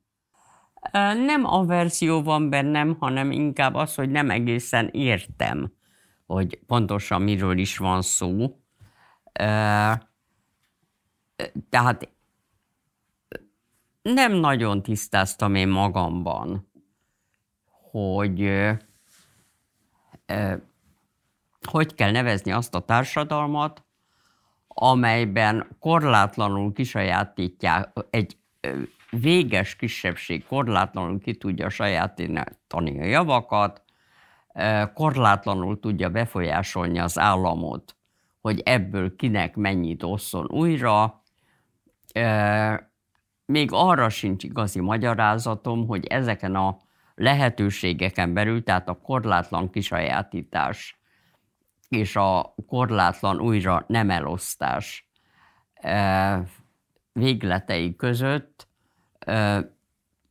hogy van az, hogy egyik ország ilyen, másik ország olyan pozíciót, az én fogalmaim szerint jobb vagy rosszabb pozíciót foglal el, hogy ebben mekkora szerepe van annak a történelemnek, amelyik létrehozott egy olyan polgárságot, amelyik tud az államtól függetlenül gondolkozni, vagy úgy érzi, hogy nincs hozzá kötve az államhoz. Tehát, hogy befolyása lehet rá, hogy a polgároknak közük van a közhöz, és az ő dolguk az, hogy a köz, közön keresztül felépítsenek egy olyan államot, ami a köznek az állama, hogy erről szól a történetük, vagy arról szól a történetük, hogy kívülről rájuk kényszerítenek egy államot, amelyik nagyon kevéssé fog, amelyikben hiányoznak az öntudatos polgárok, hiányzik az, hogy a polgárok csinálják az államot. Az állam, hogy mondjam, a fejükre ülteti magát, akár egy királyi, vagy bármilyen származás révén, és ők legfeljebb ezt megpróbálják valamilyen módon befolyásolni. Ebből a szempontból elég érdekesek azok az országok, ahol dinasztiák vannak, Ugye Hollandiában ott van a királyi család, azt se tudod, hogy hogy hívják őket. Angliában ott van a királyi család egyre jelentéktelenebb szereppel, és, e, és ugyanakkor a de, a, az úgynevezett demokratikus polgárságnak meg mind a két helyen egyre nagyobb a szerepe. Megint arról van szó, hogy Magyarország még a visegrádi négyek között is kivétel abban, hogy mennyire nincs erős és öntudatos polgársága, és mennyire nem érzi, hogy ő rajta is múlik, hogy a hatalom hogyan működik. Tehát, hogy ö, furcsa módon időnként kirobbanunk, csinálunk egy forradalmat, amit senki se csinál körülöttünk, és aztán, és utána beletörődünk. Úgyhogy nehéz erről, nehéz erről úgy beszélni, hogy ez egy folyamatos, töretlen haladás a növekvő szabadság felé, mert valahogy erről nincs szó. Azt jól értem, hogy azért nem vagy antikapitalista, mert nem tudnál egy olyan másik termelési módszert ajánlani, ami kiváltaná a kapitalizmust?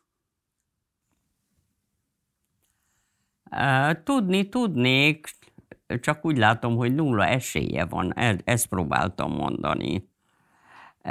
Persze, hogy tudnék, hát, hogy mondjam, lelkismeretem végigolvastam az összes 19. századi pompázatos ideológiát, amelyik a többségük nem kapitalista ellenes, hanem kapitalizmus nélküli vagy úgy épül fel a társadalom, hogy kis közösségek, termelői közösségeket alkotnak, és aztán egymással szövetkeznek, vagy szóval ilyenféle vagylagosságok vannak, de, de nincs magántulajdon felhalmozás. Igen, el tudnék én ilyet képzelni, ha nem tudnám, amit mondtam, hogy a világkapitalizmus erői ma akkorák, hogyha létre is jönne egy ilyen, akkor azt elpusztítanák. Nem, nem lehet eltűrni. De egyébként kívánatosnak tartanád, hogy eltűnjön? Hát nézd, erre azért nehéz válaszolnom, mert kimondta azt, hogy a Churchill mondta, hogy a demokrácia nagyon rossz rendszer, de nincs jobb. Szóval a kapitalizmus valóban nagyon rossz rendszer. Miért rossz rendszer? Azért, mert arra épül, hogy a, ami, amit az emberek munkát végeznek, nem az szerint fizetik őket, hanem abból elvesznek egy részt, azon az alapon, hogy én adtam a termelőeszközt, akkor adjál nekem vissza egy részt abból, amit, amit abból csináltál. E, és hogy aztán mekkora részt veszel, e, az a hatalmi, megint csak azon múlik, hogy e, milyen értékei vannak ennek a erő, erőnek, és mennyire tűri el azt, hogy szegénység legyen. Tehát, hogy mennyit osz vissza. Most, hogy el tud, ugye valahogy úgy szólt a kérdés, hogy el tudnék-e, akarom-e megszüntetni, el tudnék-e képzelni valami egész mást. Valahogy így szólt a kérdésed. Kívánatosnak tartanád, de inkább így.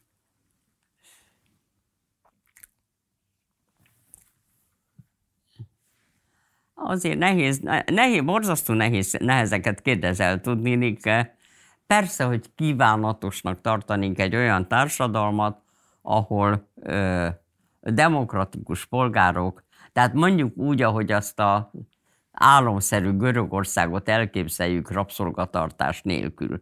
Most ilyen nem nagyon volt, hogy ne lett volna az álomszerű mellett rabszolgatartó is, de képzeljünk el egy ilyen Görögországot, amiben felnőtt polgárok intézik a közügyeit, és nincsenek rabszolgák. Ráadásul képzeljük el azt is, hogy a nők, nőknek is vannak jogaik, és ők is polgárnak számítanak, ami mondjuk Görögországra nem volt annyira igaz. Tehát nagyon kívánatosnak tartanám az egyenlő bolgárok szövetségét, mint országot. Um, csak, éppen, csak éppen nem tudom elképzelni.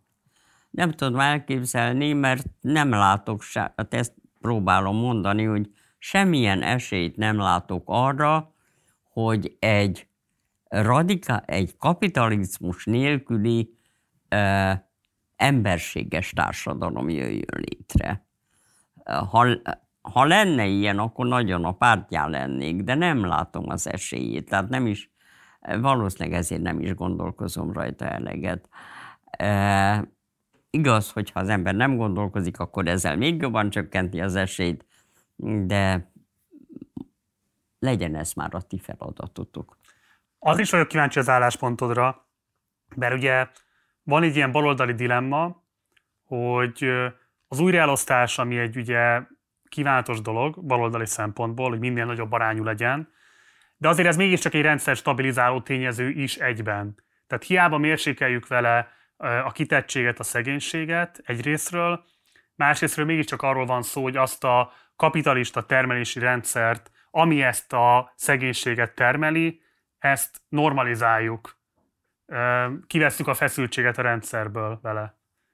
És továbbra is azt lehet látni, hogy, hogy tőkés csoportok továbbra is tudnak, mint hogy most a koronaválság alatt is, iszonyatos felhalmozást elérni, és baksist juttatnak csak azoknak, akik valójában kárvalottja ennek az egésznek. Tehát ilyen értelemben, er, er, tehát ezzel a baloldali dilemmával szembesülve mit gondolsz az újraelosztás kérdéséről? Baloldali emberként szerinted hogyan lehet viszonyulni ehhez a dilemmához?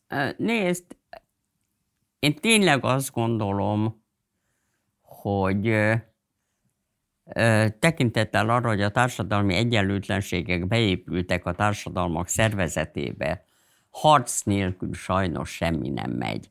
Tehát nincs megállás. Abban a pillanatban, ahogy megszűnik a harc a több újraelosztásért, abban a pillanatban kevesebb lesz. Tehát nem ez, hogy mondjam, ez nem egy biblia, amiben bele van írva, hogy ennyit el, újra el kell osztani, ha lehetne, akkor semmit se osztanának el újra, mert miért? Hát az enyém, akkor miért osztam el újra?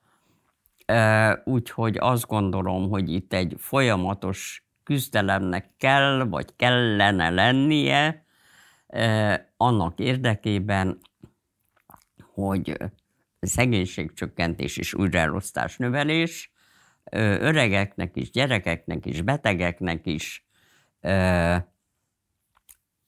Tehát mondjuk például az, hogy Magyarországon egyetlen hang nem hangzott el arról, hogy a jelenlegi kormányzat kiveszi a pénzt az egészségügyből, meg az oktatásból, meg a környezetvédelemből, meg a többiből. Egyetlen tiltakozást nem láttam pontosabban azt hiszem a Magyar Tudományos Akadémia írt egyet, azt hiszem a környezet ügyében, de több nincs. De több nincs. Itt ül az értelmiség, akinek a feladata lenne, hogy szót emeljen akkor, hogyha tényleg a, ez lenne a dolga, mert a, megkapta a szólás monopóliumát, ha megkapta a szólás, a tudás monopóliumát, megkapta, megszerezte, megkapta. Ha ez az övé, akkor a hogy mondjam, az én felfogásom szerint az is a dolga, hogy ezt a szót megemelje azok érdekében, akik vesztesei ezeknek a folyamatoknak. E, legfőképpen is elsősorban a gyerekek érdekében, mert ezért, meg azért, meg azért. E, de nem ez történik. E, József Attila, van ma József Attila? Van olyan költő, aki abban a hangnemben ír a jelenlegi rendszerrel kapcsolatban, mint József Attila írt akkor? Én nem tudok róla. Szóval valahogy úgy is mondhatnám, hogy az értelmiség nem teszi a dolgát. Erre foglak még kérdezni, de most menjünk vissza a 80-as évekbe, mert hogy ugye te a 80-as évek közepe végétől vagy az MTA Szociológia Intézetében, és ott vezettél egy csoportot, ami 5 éves kutató munkával dolgozta ki, hogy milyen hosszú távú országos szociálpolitikai programra, cselekvésre lenne szükség. Ebből publikáltatok is egy tanulmányt. Erről később úgy nyilatkoztál, hogy különösebb hatása nem volt, de talán az univerzális családi pótlék intézményének bevezetése ennek köszönhető. Egyébként, ha már csak ennyit el lehet mondani, azért ez egy hatalmas hatás, azt gondolom, amit akkor lehet hozzátok kötni. Egy picit beszélni arról, hogy mi volt a 80-as évek végén, tehát a késő Kádárkorban ennek a kutatócsoportnak az ambíciója, és hogyan jött az, hogy végül ez az egy elem került bevezetésre, amire te is hivatkoztál korábban?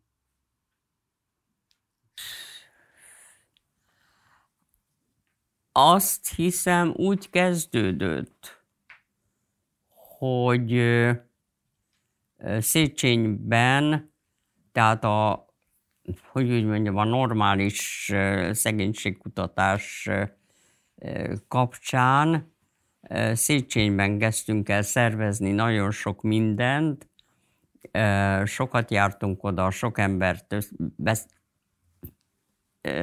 kértünk arra, hogy szervezzen ezt, a, csináljon ezt, azt. Tehát ott valahogy úgy éreztük, hogy ki lehet próbálni a valóságban azt, hogy e, milyen fajta intézmények és elosztások segítenének e, az esélyek javításában. Um,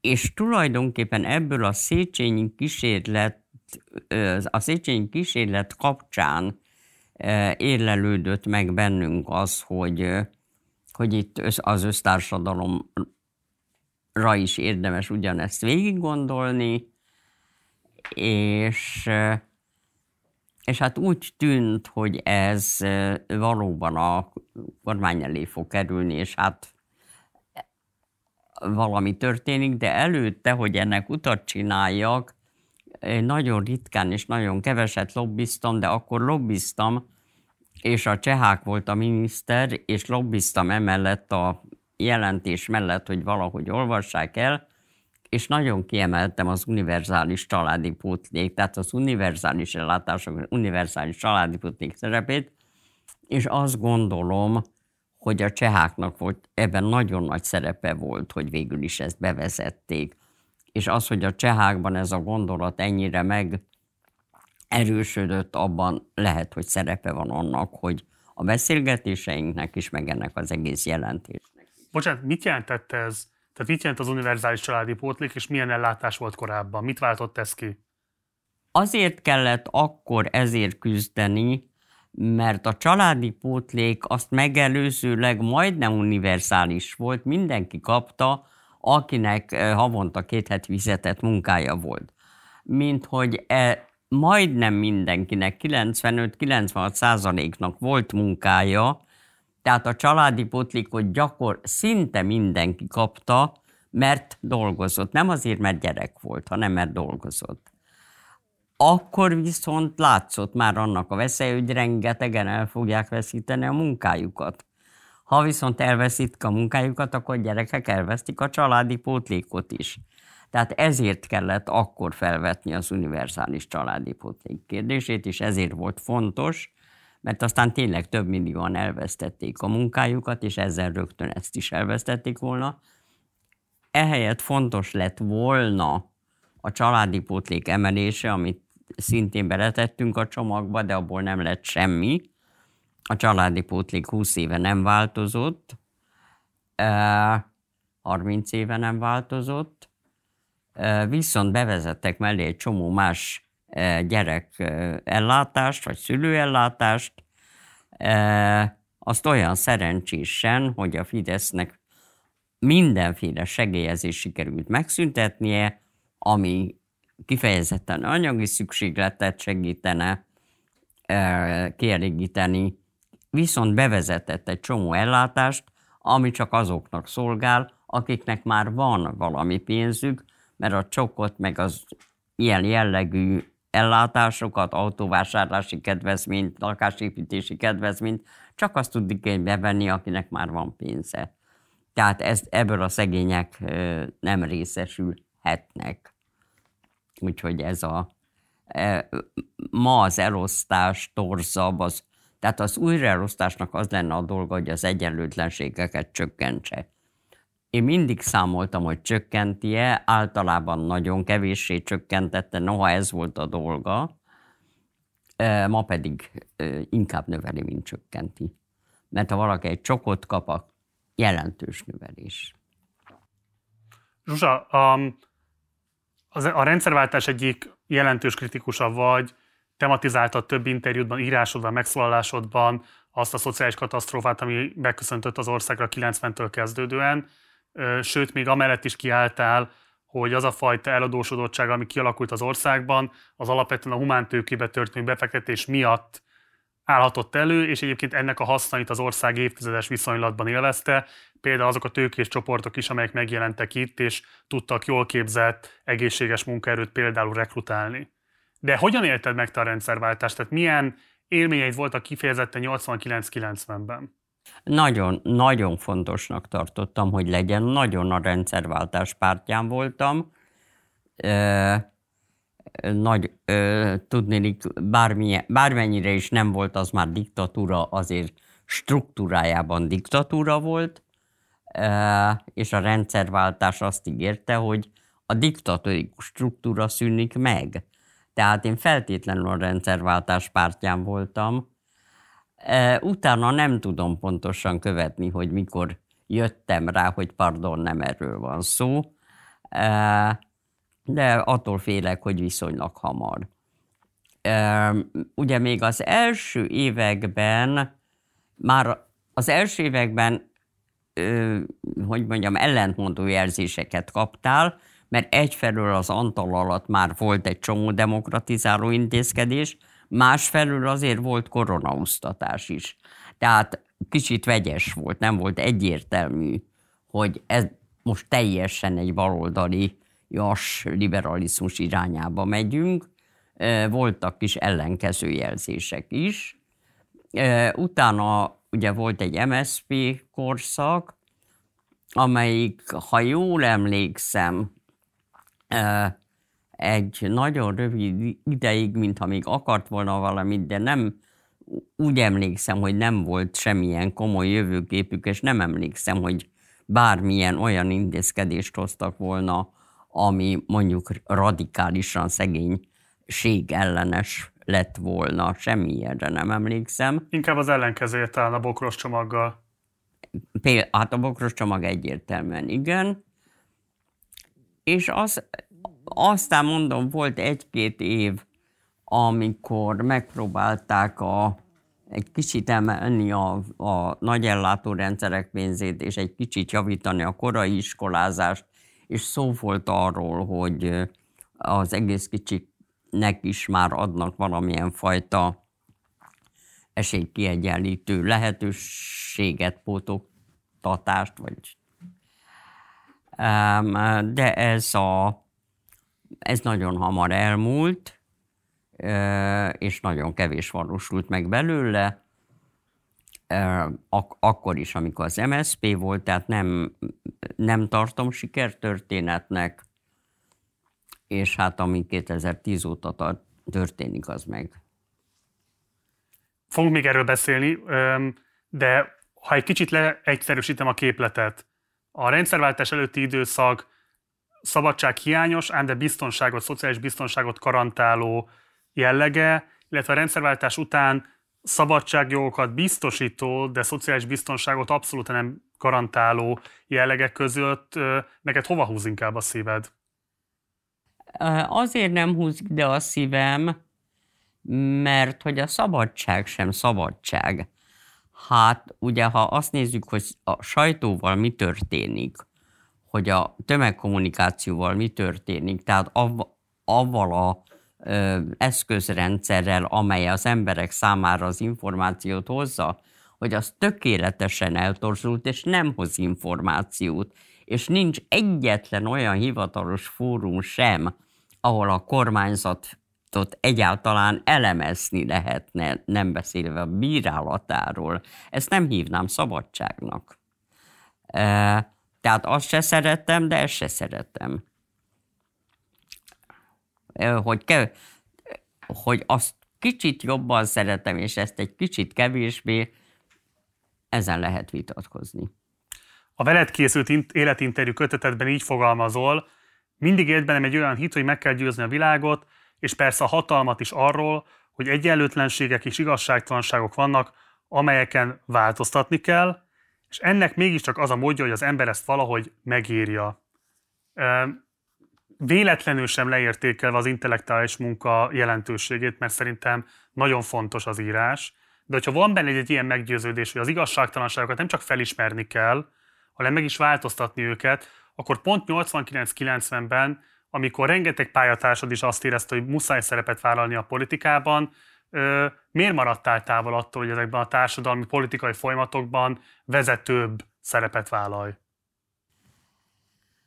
Hát ennek legalább két oka van. Az egyik az, hogy öreg vagyok, vagy akkor is öreg voltam. 30 évvel ezelőtt azért, Zsuzsa. akkor is már 60 voltam. Hát most is a szellemi erődnek teljes birtokában vagy. Hát De más... Két órája beszélgettünk, és a fáradtság apró jelét se látni rajtad. Pedig van. De um,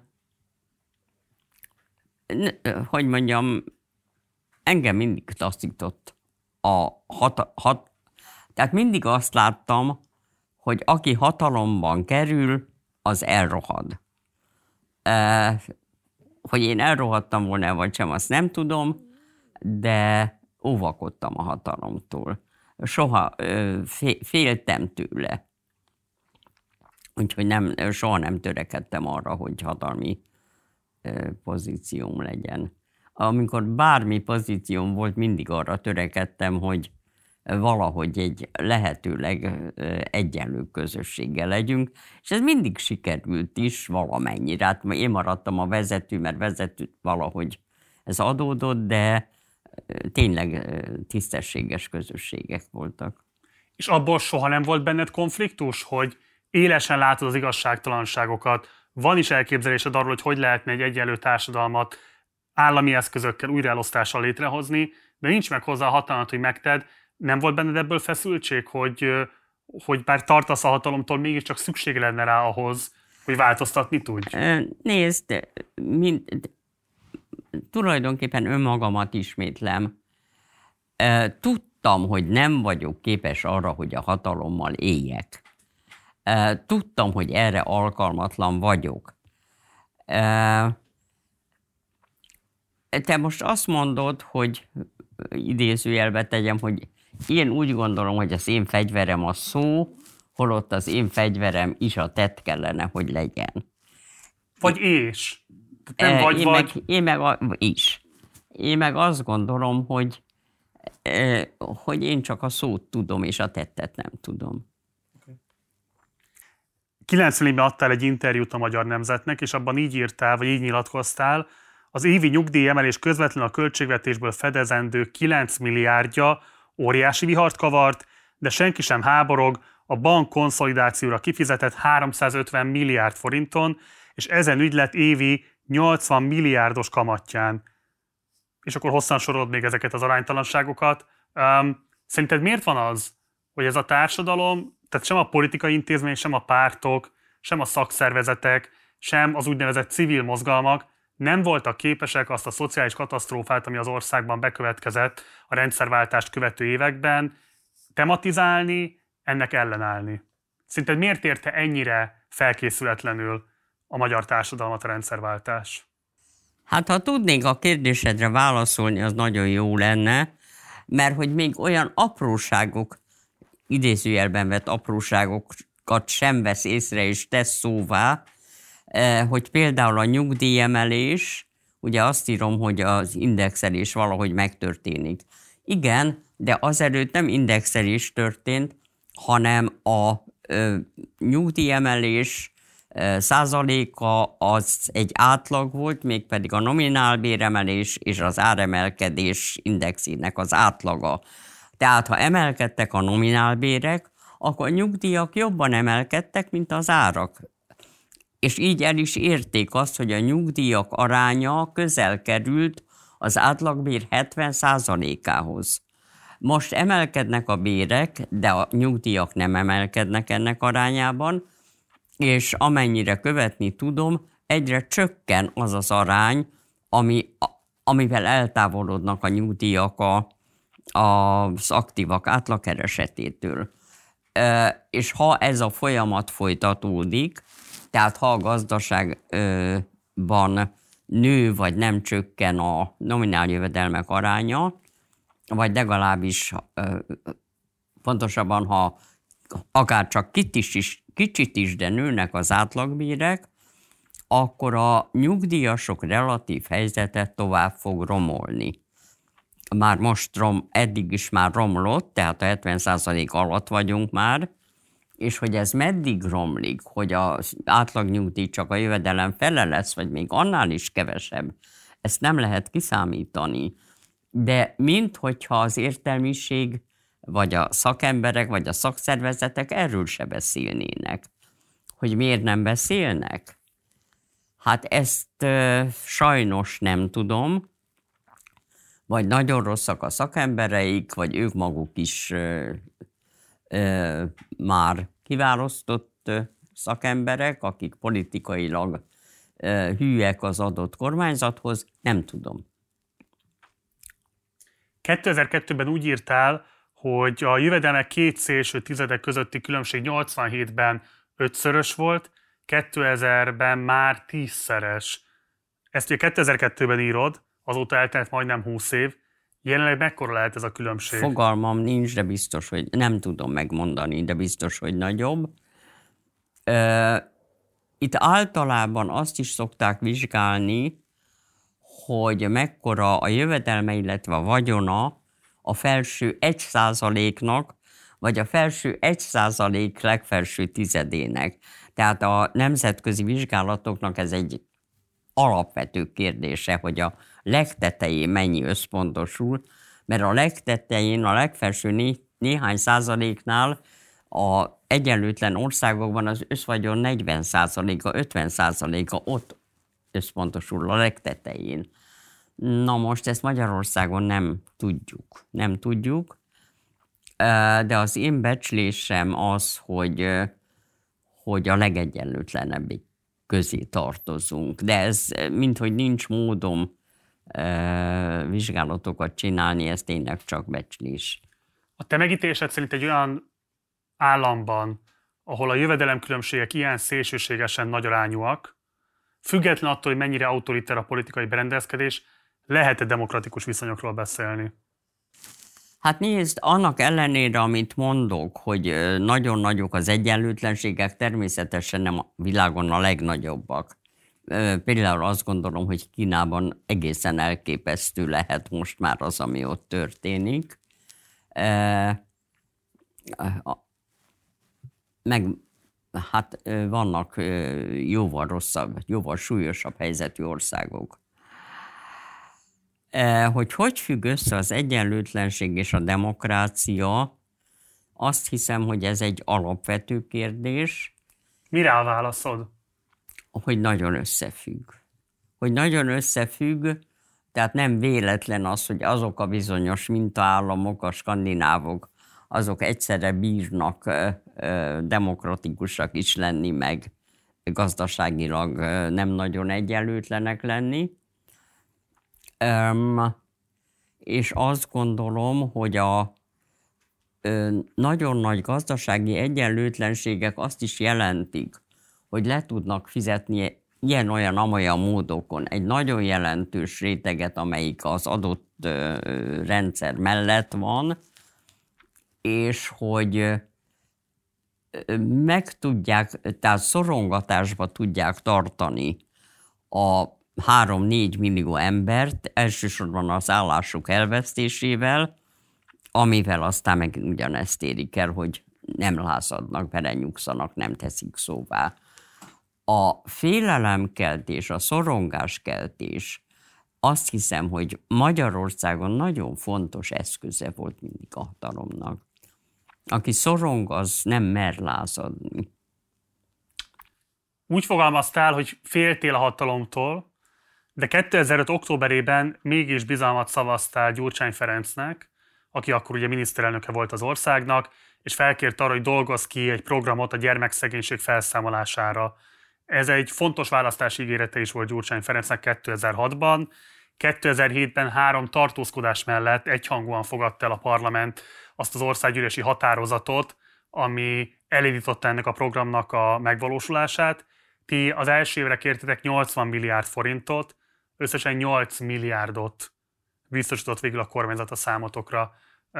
Nagyon sok kérdés van ezzel kapcsolatban. Ráadásul azt is gondolom, de vitatkozva nem értesz egyet, hogy talán ez a program lehetett volna a legnagyobb hatással a magyar társadalomra a te életművedből, ami rajtad kívülálló okok miatt nem tudott megvalósulni.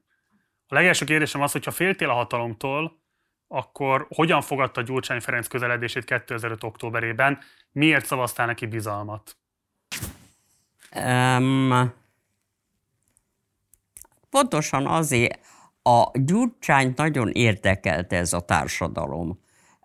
Még a hatalom közelében sem volt, nálam a lakásomon voltak ilyen szemináriumok. Hetenként, két hetenként már nem emlékszem, nem itt, akkor még az Alma utcában laktam. És hát ott hogy mondjam, a kormánykritikus szociológiáról beszélgettünk, vagy szociálpolitikáról.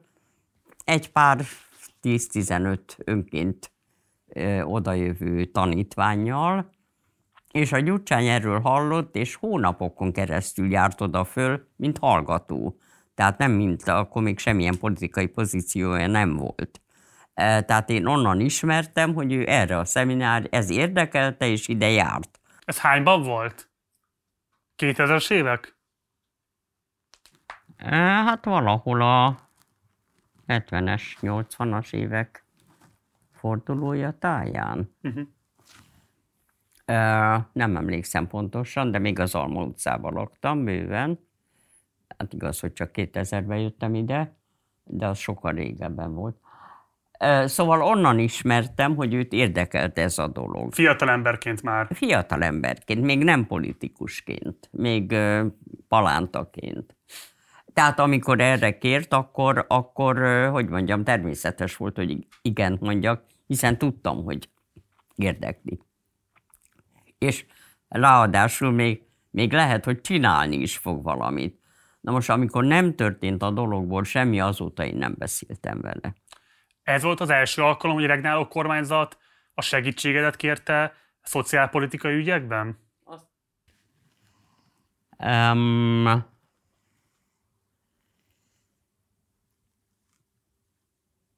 azt, azt hiszem egyértelmű a válasz, hogy igen. Azért gondolkoztam, mert egy, valamikor néhányszor beszéltem az acéllal, de az acél végül is nem kért tőlem papírt. Uh-huh. Uh, acél György. Acél György, igen. Odáig eljutott, hogy összehívott a pártközpontban egy társaságot, arra emlékszem, hogy a Pataki Feri volt ott, meg a Várhegyi volt ott, meg uh, Szóval ezek a mm, ilyen kicsit lázatékony szociológusok, hogy beszéljünk arról, hogy azt hiszem részben szegénység, részben struktúra volt a kérdés, és a Kádár benézett az ajtón. És végignézett rajtunk, kiment, és ez volt az első és utolsó találkozás. Kádár Jánossal. Kádár Jánossal is, meg az acél által begyűjtött e, szakemberekkel is, tehát akkor befejezte az acél ezt a, ezt a kísérletet, hogy összehozza a szakembereket egy, e, egy ország javító papírus kidolgozása érdekében. Mire tett neked ígéretet Gyurcsány Ferenc, amikor megállapototok abban, hogy partnerséget vállal a kormányzata újraválasztás esetén a gyermekszegénység felszámolásában. Miről szólt az ő ígérete neked? Arról, hogy megcsinálja, semmi másról. Tehát én abban a reményben írtam, hogy ebből valami, az, hogy az egész megtörténik, arról, arról nem is álmodtam, de hogy legalább a korai fejlesztés, arról még külön is szó volt a korai fejlesztés fontosságáról, hogy abból valami megvalósul, meg az iskolák javításából valami, arról azt hiszem, hogy beszéltünk is, bár erre nem esküszöm meg, de úgy emlékszem, hogy igen, és én nagyon reménykedtem, hogy ebből lesz valami. Tehát eh, nem volt, arra ígéret nem lehetett, hogy minden megvalósul, de én reménykedhettem abban, hogy valami megvalósul. Azt te érzékelted, hogy ez a kampány szempontjából fontos volt, hogy legitimáld a tekintélyeddel ezt a kormányzatot? Um, erre, erre félek, hogy azért nem tudok válaszolni, mert én soha nem gondoltam úgy magamra, mint tekintélyre. Hát nem is te gondolsz így magadra, hanem úgy általában mondjuk a szociológiai szakma, vagy szociológusi szakma. Úgyhogy az, hogy ebben segítem a Gyurcsány hatalomra kerülését, ez biztos, hogy vállaltam, hiszen másképp nem csinálhattam volna meg. Hogy ez nem volt bennem különösebben tudatos, az is biztos. Uh-huh. De nem is az, hogy te magad segített, hanem hogy ők maguk esetleg hogyan viszonyultak ehhez, tehát nekik szükségük volt a te legitimálásodra. Nem viszonyultak hozzá. Uh-huh. Se, se, soha semmilyen további kapcsolat nem volt, további következmény nem volt. Mi megpróbáltuk azt hiszem itt-ott amott szóvá tenni, hogy valami valósuljon meg, de ez elég süket fülekre talált, és hát aztán aztán ez a vergődés folytatódott, és 2010-ben pedig egyszerre csak ránk csapták a, a, már a, a Fidesz első napjaiban. valaki bejött a szobába, és azt mondta, hogy ürítsük ki a szobát, és holnap át kell adni, pont a csoportnak vége pont. Még pillanat a 2006-hoz visszakanyarodva, hogy a jobboldali kormány a családpolitika mindig népesedés politika. És itt volt egy olyan szemléletmódváltás, hogy itt kifejezetten a gyermek szegénység fókuszán keresztül próbálkoztatok volna családpolitikát gyakorolni, vagy, vagy csinálni, um, amikor kiderült, hogy ez nem fog menni. Mi volt az érve a kormányzatnak? Ugye ez még a válság előtt volt, a elviekben még nem lehetett az, a, az az indokuk, hogy megcsapantak az államháztartás bevételei, tehát itt még lett volna, ez egy, ez egy önhatalmilag hozott döntése volt a kormánynak. Miért hátrált ki a kormányhatározat mögül? Soha senki nem, nem beszélt velem erről, és én nekem akkor már nem volt módom arra, hogy őket megkeresem. Egyébként nem a gyerek szegénység, hanem tényleg a gyerek esélyekről volt szó, és a, tehát még azt sem lehet mondani, hogy szegénység ellenes, gyerek ellenes az, hogyha ebből nem csinálnak meg semmit, úgy emlékszem, hogy egyszer-kétszer próbáltam keresni talán a Lendvai Ildikót, de nem jártam sikerrel. Magát Gyurcsány Ferencet kerested? Akkor már nekem semmilyen lehetőségem arra nem volt. Árulásnak tartott, hogy emögül kihátráltak? Hatalomnak tartom. Nézd, árulás. Nem tudom, hogy van-e olyan kormány a világon, amelyik megvalósítja azt, amit választáskor ígér, de, és ezt én sem reméltem, hogy mindent megvalósít, az kétségtelenül súlyos csalódás, hogy a legelemibb dolgok sem valósultak meg, tehát a hanem épp ellenkezőleg, de akkor már nem volt nekem módom semmire. Ugye ezt három képviselő tartózkodásával a fideszesek is megszavazták 2007-ben a parlamentben. Velük sem próbáltál meg valami fajta szövetséget kötni? Nem vagyok én arra való. Ők sem kerestek téged? Nem. Senki. Senki. Nem, te ezt nevezheted nyugodtan hibának.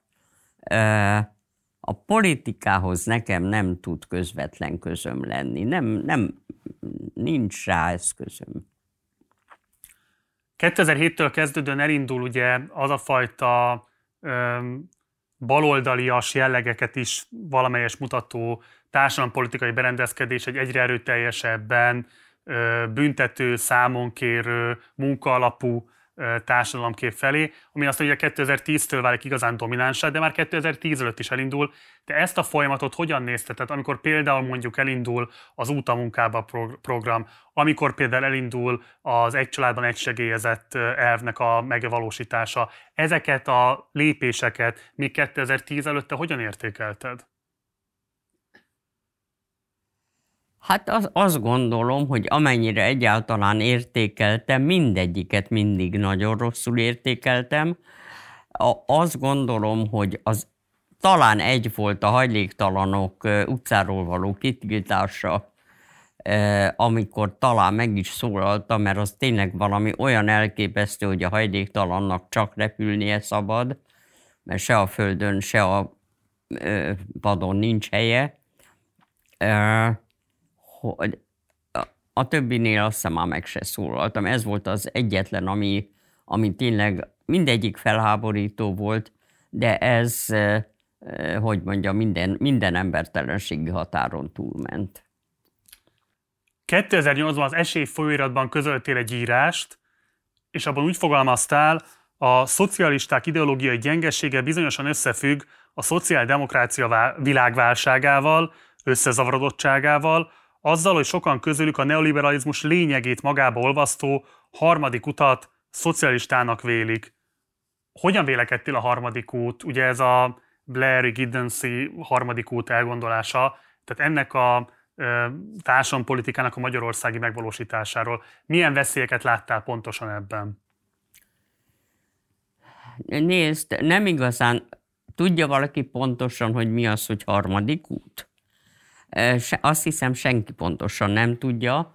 szeretnék azt hinni, hogy ez nem kapitalizmus, nem szocializmus, hanem valami harmadik út, amiben van ugyan a piacnak szerepe, de az minimális, azt hiszem valami ilyesmiből áll az úgynevezett harmadik út. Na most én azt gondolom, hogy én ebben nem tudok mit kezdeni az adott feltételek mellett. Nagyon jó lenne, ha lenne harmadik út, de az elmondottak miatt, tehát a globál kapitalizmus erőviszonyai mellett semmilyen lehetőséget erre nem látok. Mit éreztél nagyobb kudarcnak? A program elkaszálását, vagy azt, hogy nem csak ezt kaszálták el, hanem gyakorlatilag elindul egy univerzalisztikus társadalompolitikai szemlélet felől egy ilyen munkaalapú társadalompolitikai szemlélet irányába az ország 2007-től kezdődően. Melyiket érezted súlyosabb szakmai kudarcnak? Hát ez az első igazi szakmai kudarc, mert ottan ö, az a gondolatrendszer az, az nagyon az enyém is volt. A, az, hogy mindenki dolgozzon, és csak a, aki nem dolgozik, ne is egyék, én ezt soha nem fogadtam el.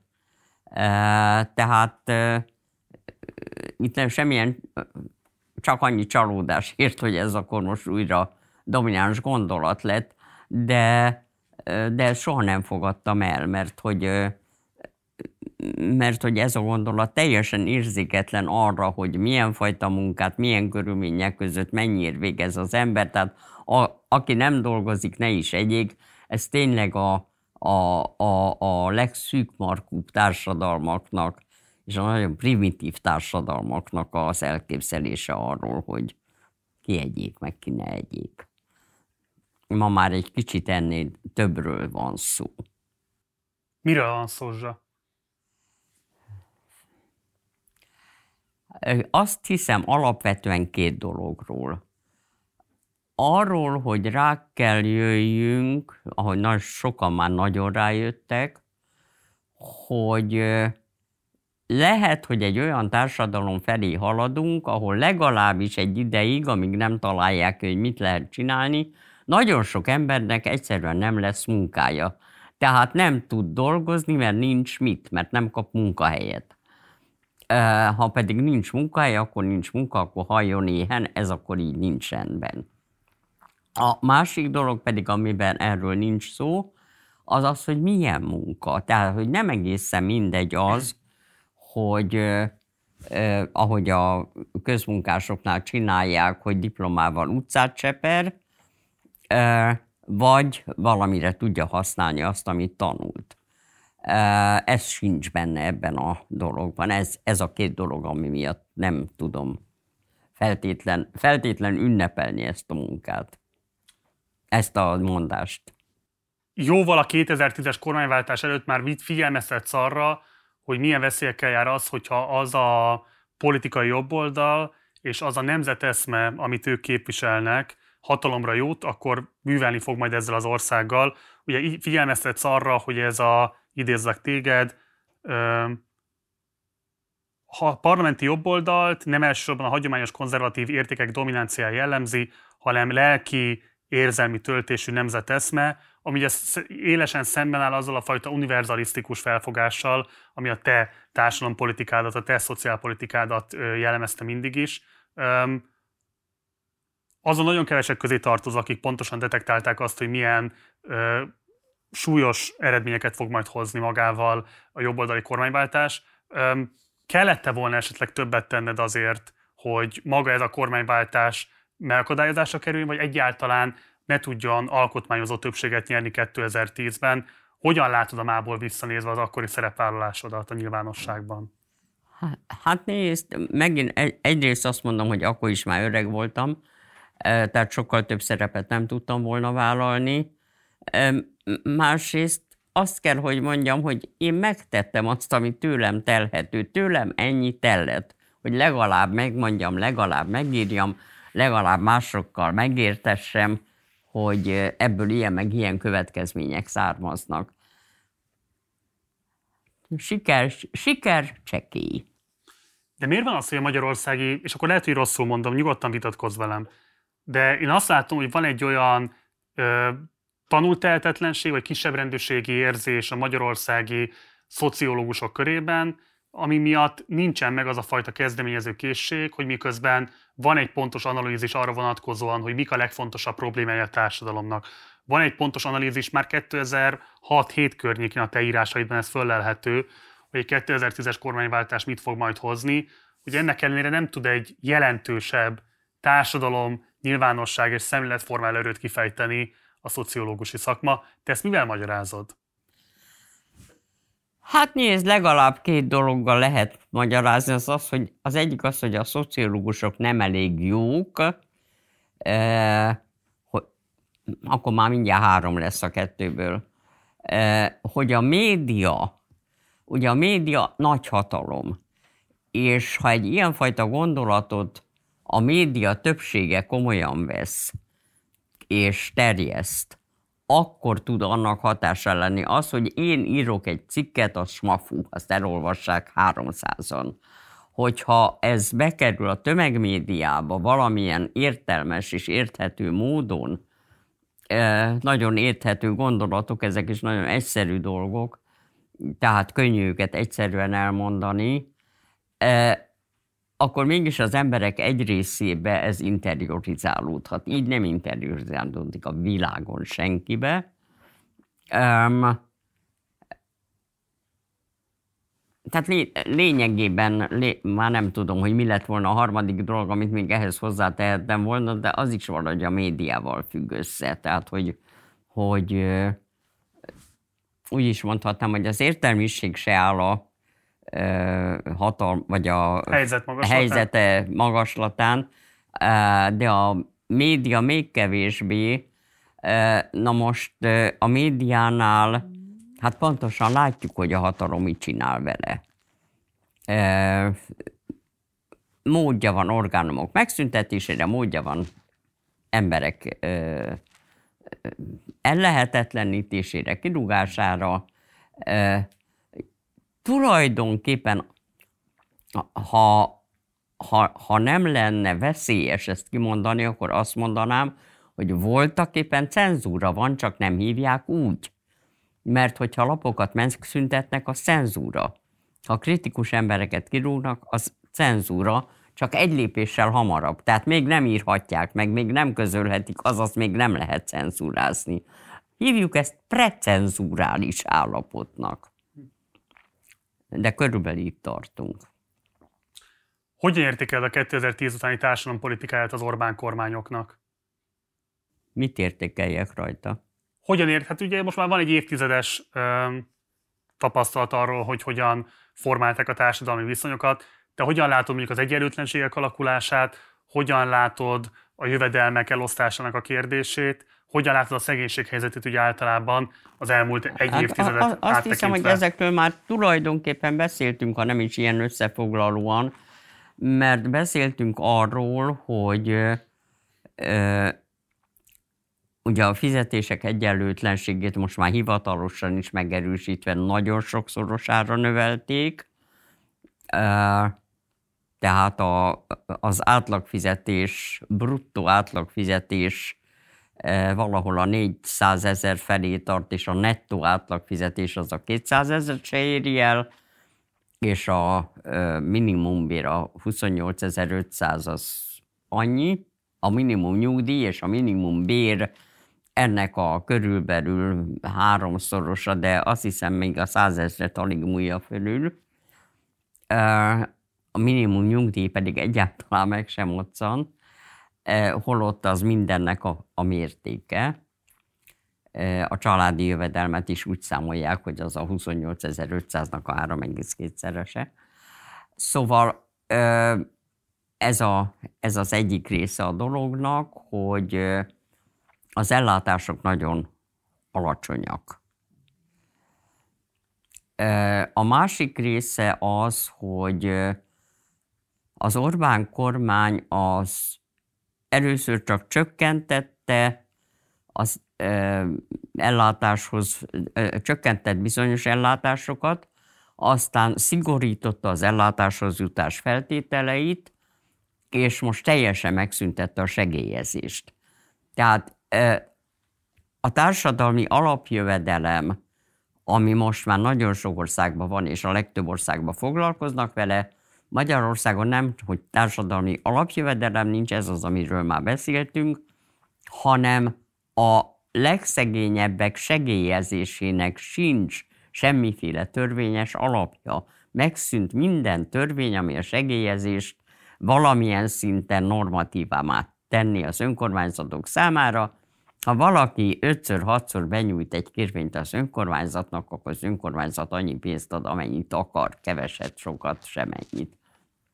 Úgyhogy a, na most ez már nem európai ellátás. Tehát Európában, mondom, most már nagyon általános a társadalmi alapjövedelem, de az, hogy joga van az embereknek valamilyen segélyhez, tehát hogy a segélyezéshez jog van, ez Magyarországon is volt, és az európai országok többségében van, és Magyarországon most nincs. Nincs jogod segélye. Nincs jogod ahhoz, hogy megélj. Tehát meg vagy fosztva a megélhetés jogától. Ez megint eléggé egyedi. Tőlünk keletre van, tőlünk nyugatra nincs. Tehát akkor ez egy ilyen civilizatorikus visszafejlődés, azt mondod? Egyértelműen.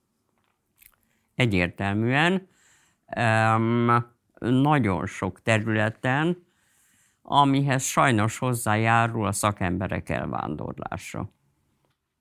Hogyan értékeled azokat a társadalompolitikai programokat, például, hogy gondolok Hegedű Zsuzsára, aki időben ugye meghatározó alakja volt részben a miniszterelnök tanácsadóinak, részben pedig ugye az általa fémjelzett Minden gyerek lakjon jól című programnak. Például erről konkrétan, amikor ő ugye járta a különböző falvakat és malacokat, mert mindenféle terményeket osztogatott, mit gondolsz erről a fajta obszenitásról? Nem gondolok róla jót. A Hegedű Zsuzsa amikor még a Kis János volt a férje, jártak hozzánk, a Zsuzsa tulajdonképpen tanítványom is volt, és azt gondoltam, hogy egészen kiváló az, amit ahogyan gondolkozik, és nagyon reményteli volt. Aztán elment Franciaországba, ott a mindenféle történtek vele, érdektelen, és aztán hazajött és beállt a Fideszbe, ami számomra teljesen érthetetlen.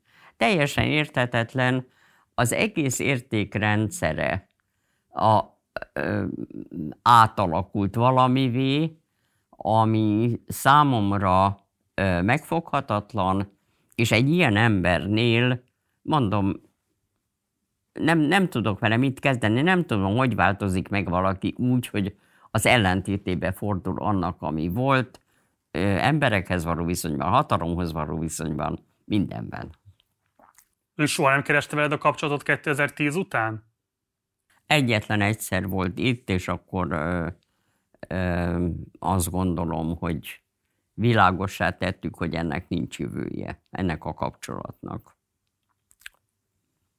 De akkor nem kérte a közreműködésedet, hogy közösen esetleg valami fajta nem, nem, nem erre, erre, erre módja se volt, nem. nem, uh-huh. nem. És nem is tudnál semmilyen fajta szakmai közösséget vállalni azzal a programmal, ami az ő nevével volt fémjelezve. Nem avval nem tudnék vállalni közösséget, hogy minden gyerek lakjon jól, mert persze minden gyerek lakjon jól, csak avval nem, amilyen eszközökkel ez el van képzelve, és amilyen társadalompolitika ehhez van rendelve. Tehát sajnos ez az együttműködés lehetetlen és reménytelen. 2010 előtt is, de 2010 után is főként írsz annak a veszélyéről. Mit jelent az, hogy van egy jobboldali kormányzat, amelynek van egy nagyon markáns szélső jobboldali kifejezetten fasisztói elemeket is mutató ellenzéke, amely ellenzék azért nagy utat járt az elmúlt tíz évben, és most ugye közös listát készül alakítani több más ellenzéki párttal, illetve hát a párt jelenlegi elnöke gyakorlatilag vezeti a miniszterelnök jelölti, az ellenzéki miniszterelnök jelölti listákat. Mit gondolsz Jakab Péter felbukkanásáról és sikeréről? Hát Azt gondolom, hogy Martin Luther King nélkül nem lett volna a négerek harca jogaikért. Azt gondolom, hogy Magyarországon is kellene egy Martin Luther King. Azt remélem, hogy a Karácsony Gergely az egyetlen felbukkant személy, akinek arca van, neve van, aki úgy tűnik, hogy amit Budapesten csinál, az tisztességes, követhető, nyilvános, átlátható, tehát, hogy úgy bánik a hatalommal, ahogy a hatalommal bánik kell, hogy egyszerre demokratikus és aktív. Ha a baloldal meg a liberálisok össze tudnának fogni, és együtt erőt tudnának adni a karácsony mögé, akkor valamibe tudnék reménykedni. Úgy látom, hogy ez az összefogás még rettenetesen gyenge és erőtlen, és nem is elég meggyőződéses, ahhoz, hogy a több, többséget erről meggyőzze, hogy enélkül nem megy. És a karácsonyon kívül más lehetséges jelöltet én nem látok. És mit fog szólni ahhoz, hogyha mégis Jakab Péter húzza be az előválasztáson a miniszterelnök jelölti pozíciót? Nem értem. És mit fog szólni ahhoz, hogyha mégis Jakab Péter húzza be az előválasztáson az ellenzéki miniszterelnök jelölti pozíciót? Nem tudom. Te abban reménykedsz, hogy Karácsony Gergely fog indulni? Hát remélem, hát nem, nem még ezt se tudjuk igazában. Bátorítanád? Nagyon. Nagyon. Hát jó, az is igaz, hogy én nem nagyon ismerem a politikai mezőnyt, de éppenséggel a karácsonyt ismerem, valamennyire ugye az Orbánt is ismerem, ezen az alapon mondom, hogy számomra egy lehetséges jelölt, és én speciál nem nagyon látok mást. Ugye itt vagyunk most a koronavírus válságnak, járványnak a második évében. Te tavaly adtál a VMN-nek egy interjút, amiben így nyilatkoztál. Az állam elvileg főleg azért szed adót, hogy a társadalmi egyenlőtlenségeket csökkentse, nálunk azonban az elvonás is, az elosztás is jó részt fordítva hat, ezért hívom perverznek. Az állami újraelosztás jó része nem csökkenti, hanem növeli az egyenlőtlenségeket. Ebből a szempontból is ugye elemeztük, vagy elemezted azt is, hogy hogyan nézett ki az elmúlt tíz év társadalompolitikája. Mekkora meglepetés volt számodra a TB törvény átalakítása? Most el vagyok maradva egy lépéssel. Mely, melyik átalakítás, vagy milyen? Ez a legutóbbi átalakítása, ami ugye tavaly nyáron vált esedékessé, és ami azt eredményezi, hogy szintén ez a fajta univerzalisztikus, az egészségügyi alapellátásokat, a biztosítotti státusz meglétenek a hiányában is biztosító rendszerből nagyon könnyen ki lehet kerülni, hogyha az ember három hónapig nem képes fizetni a járulékait.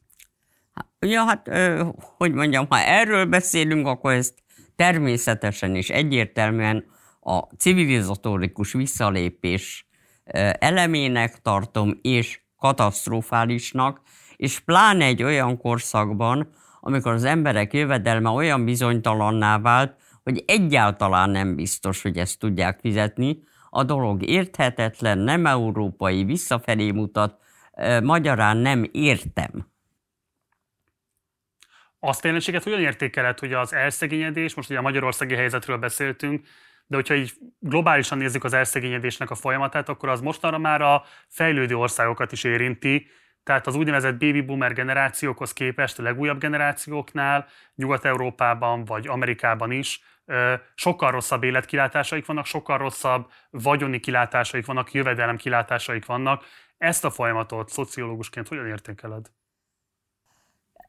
Nem nagyon tudom értékelni, mert itt, hogy is mondjam, csak a történelemről van szó, amelynek az elemzéséhez nekem nincsenek megfelelő eszközeim. Az, itt most valamilyen globális változás történik. De hogy ennek a globális változás, ami Kínát is átfogja, és Kína nagyon egyre fontosabb szereplői ennek a globális játszmának, Japán a maga körében igen, de ami igazán hatalmas itt az Kína, amelyik jön nyugat felé, hogy mit fog magával hozni, ezt nem igazán tudjuk. Tehát ebbe az egész globális változás rendszerbe annyi ismeretlen és számomra következményeiben kiszámíthatatlan tényező van, hogy nem tudok válaszolni. Volt egy kötet vírus után a világ címmel jelent meg, amiben szintén írtál, és abban egy eszédben úgy fogalmazol, hogy az önszabályozó és árszabályozó piacra épülő gazdaságot önpusztítónak és közpusztítónak nevezed, és azt írod, hogy ehelyett egy alternatív közösségi gazdaságot tartanál kívánatosnak. Én azért is kérdeztem ezt az antikapitalizmus dolgot, mert itt konkrétan egy antikapitalista programra teszel javaslatot, sőt, ilyen kívánalmakat fogalmazol meg? Ebben igazad van, e, de az egy álom.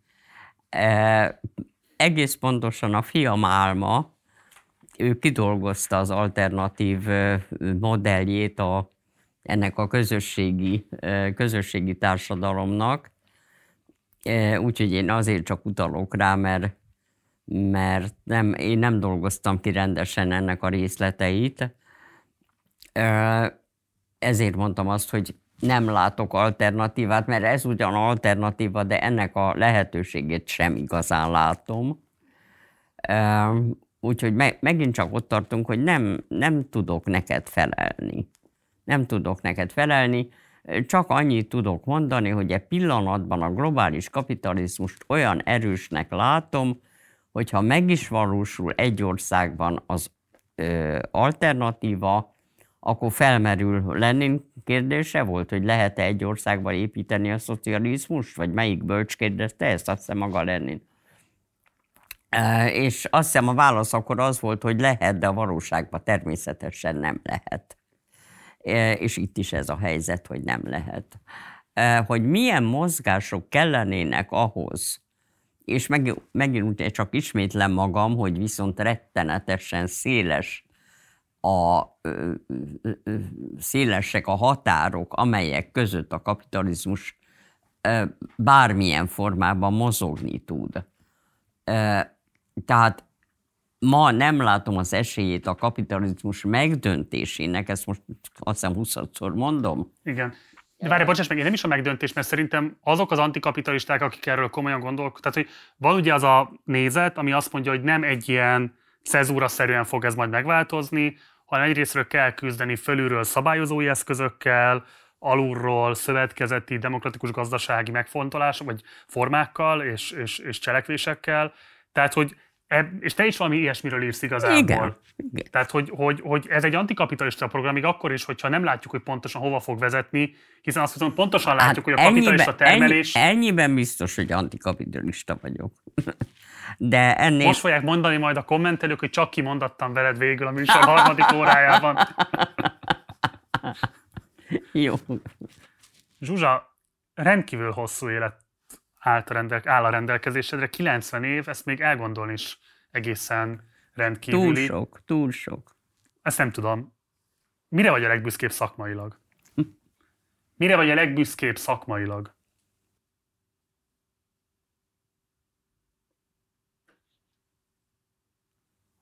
Hát nézd, egyrészt nem szoktam büszkeként definiálni magam, de kétségkívül örülök annak, amit csináltam.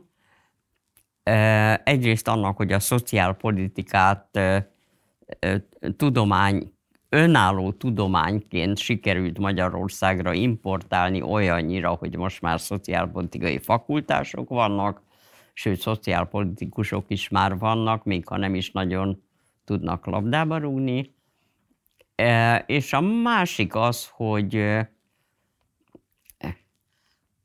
mondjam úgy, hogy divatba hoztam a társadalmi struktúra vizsgálatának a gondolatát. Úgyhogy azt hiszem, hogy ez mind a kettő rendben van. Mivel foglalkozol most? A túléléssel. Egy új témával, amivel nem tudom meg, meddig fogok eljutni.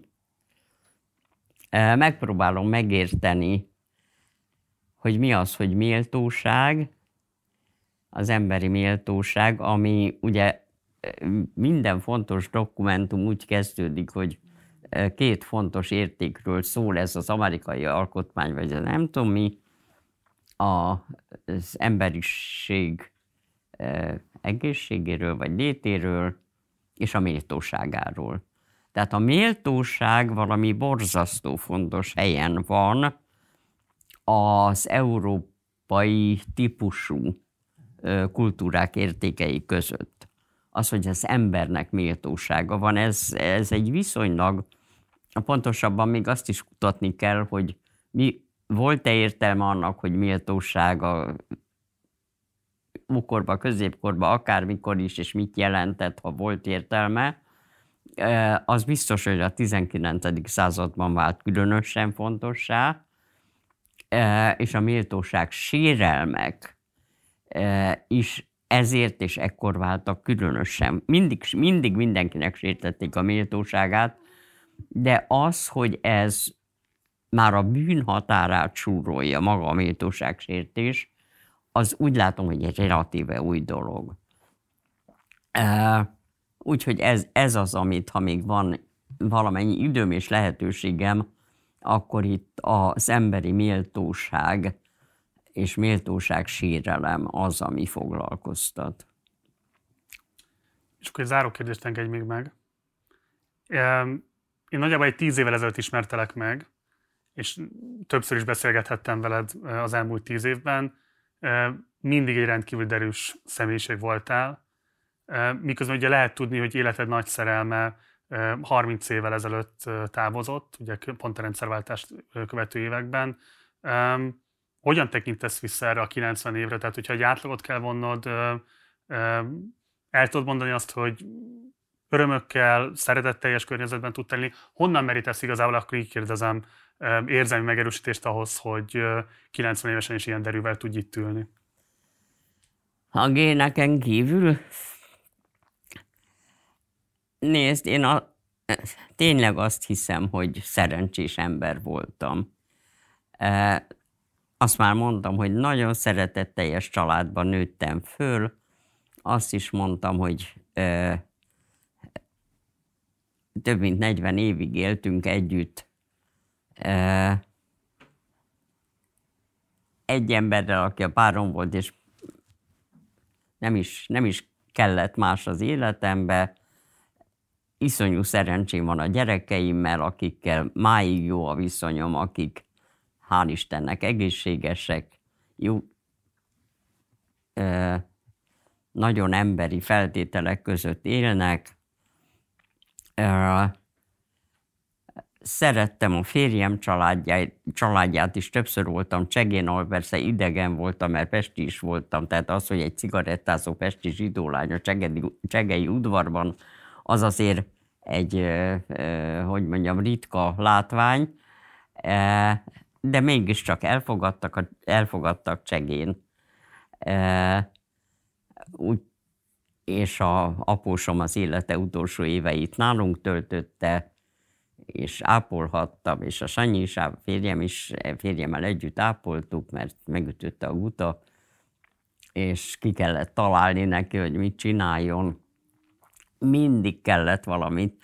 Nem bírt munkanélkül élni, kubikus volt, de lencsét vagy babot, hogy, hogy azt szemelgesse, tehát hogy mondjam, tény, tényleg ott lehetett megérteni, hogy mi az, hogy nem lehet munkanélkül élni. És nagyon szerettük egymást. Úgyhogy nekem tényleg szerencsés gyerekkoromban is, később is voltak, nem mondom, hogy nem voltak rossz periódusok, mert persze, hogy voltak, de ha egészében nézem, akkor, akkor a legszűkebb családom, a gyerekeimmel együtt vett családom, eh, magyarán a magánéletem, azt hiszem, hogy alapvetően szép és nyugodt és boldog. A köz meg, hát aki elfogadott, elfogadott, a többi meg nem érdekelt. Ferge Zsuzsa, jó egészséget, boldog 90. születésnapot. Nagyon köszönöm az interjút, és hát köszönöm azt is, amit az eddig életed során a politikai közösségünk egészért tettél. Köszönöm szépen. Minden jót vigyázz magadra. Ez volt a beszélgetésem Ferges Zsuzsával a 90. születésnapja alkalmából. Ha érdekel nem csak ez a szerkesztett verzió a beszélgetések, hanem a teljes vágatlan verzió is, akkor vagy látogass el a podcast platformjainkra, ahol hangban korlátozás nélkül meghallgathatod, vagy fizess elő a Partizánra a Patreon rendszerünkön keresztül, és akkor képben is meg tudod nézni ezt az interjút. Ehhez a linket megtalálod a leírásban. Mindenképpen iratkozz fel a csatornára, ha még nem tetted volna, a like, illetve a dislike gombok használatával fejez ki a véleményed. Ha van bármilyen kérdésed vagy észrevételed az elhangzottakkal kapcsolatban, akkor pedig várunk a komment szekcióban. Van még egy Facebook oldalunk, illetve egy Facebook csoportunk, és utóbbinak Partizán társalgó a címe. Oda is várunk, és akkor tudunk vitatkozni az éppen aktuális témákról. Instagramon megtalálsz bennünket Partizán Politika címen, ha pedig szeretnél hozzájárulni a támogatásoddal a működésünkhöz, akkor a Patreon mellett van egy bankszámlaszámunk, illetve egy PayPal elérhetőségünk is. Munkatársai nevében köszönöm szépen a figyelmedet, hamarosan találkozunk, addig is, ciao.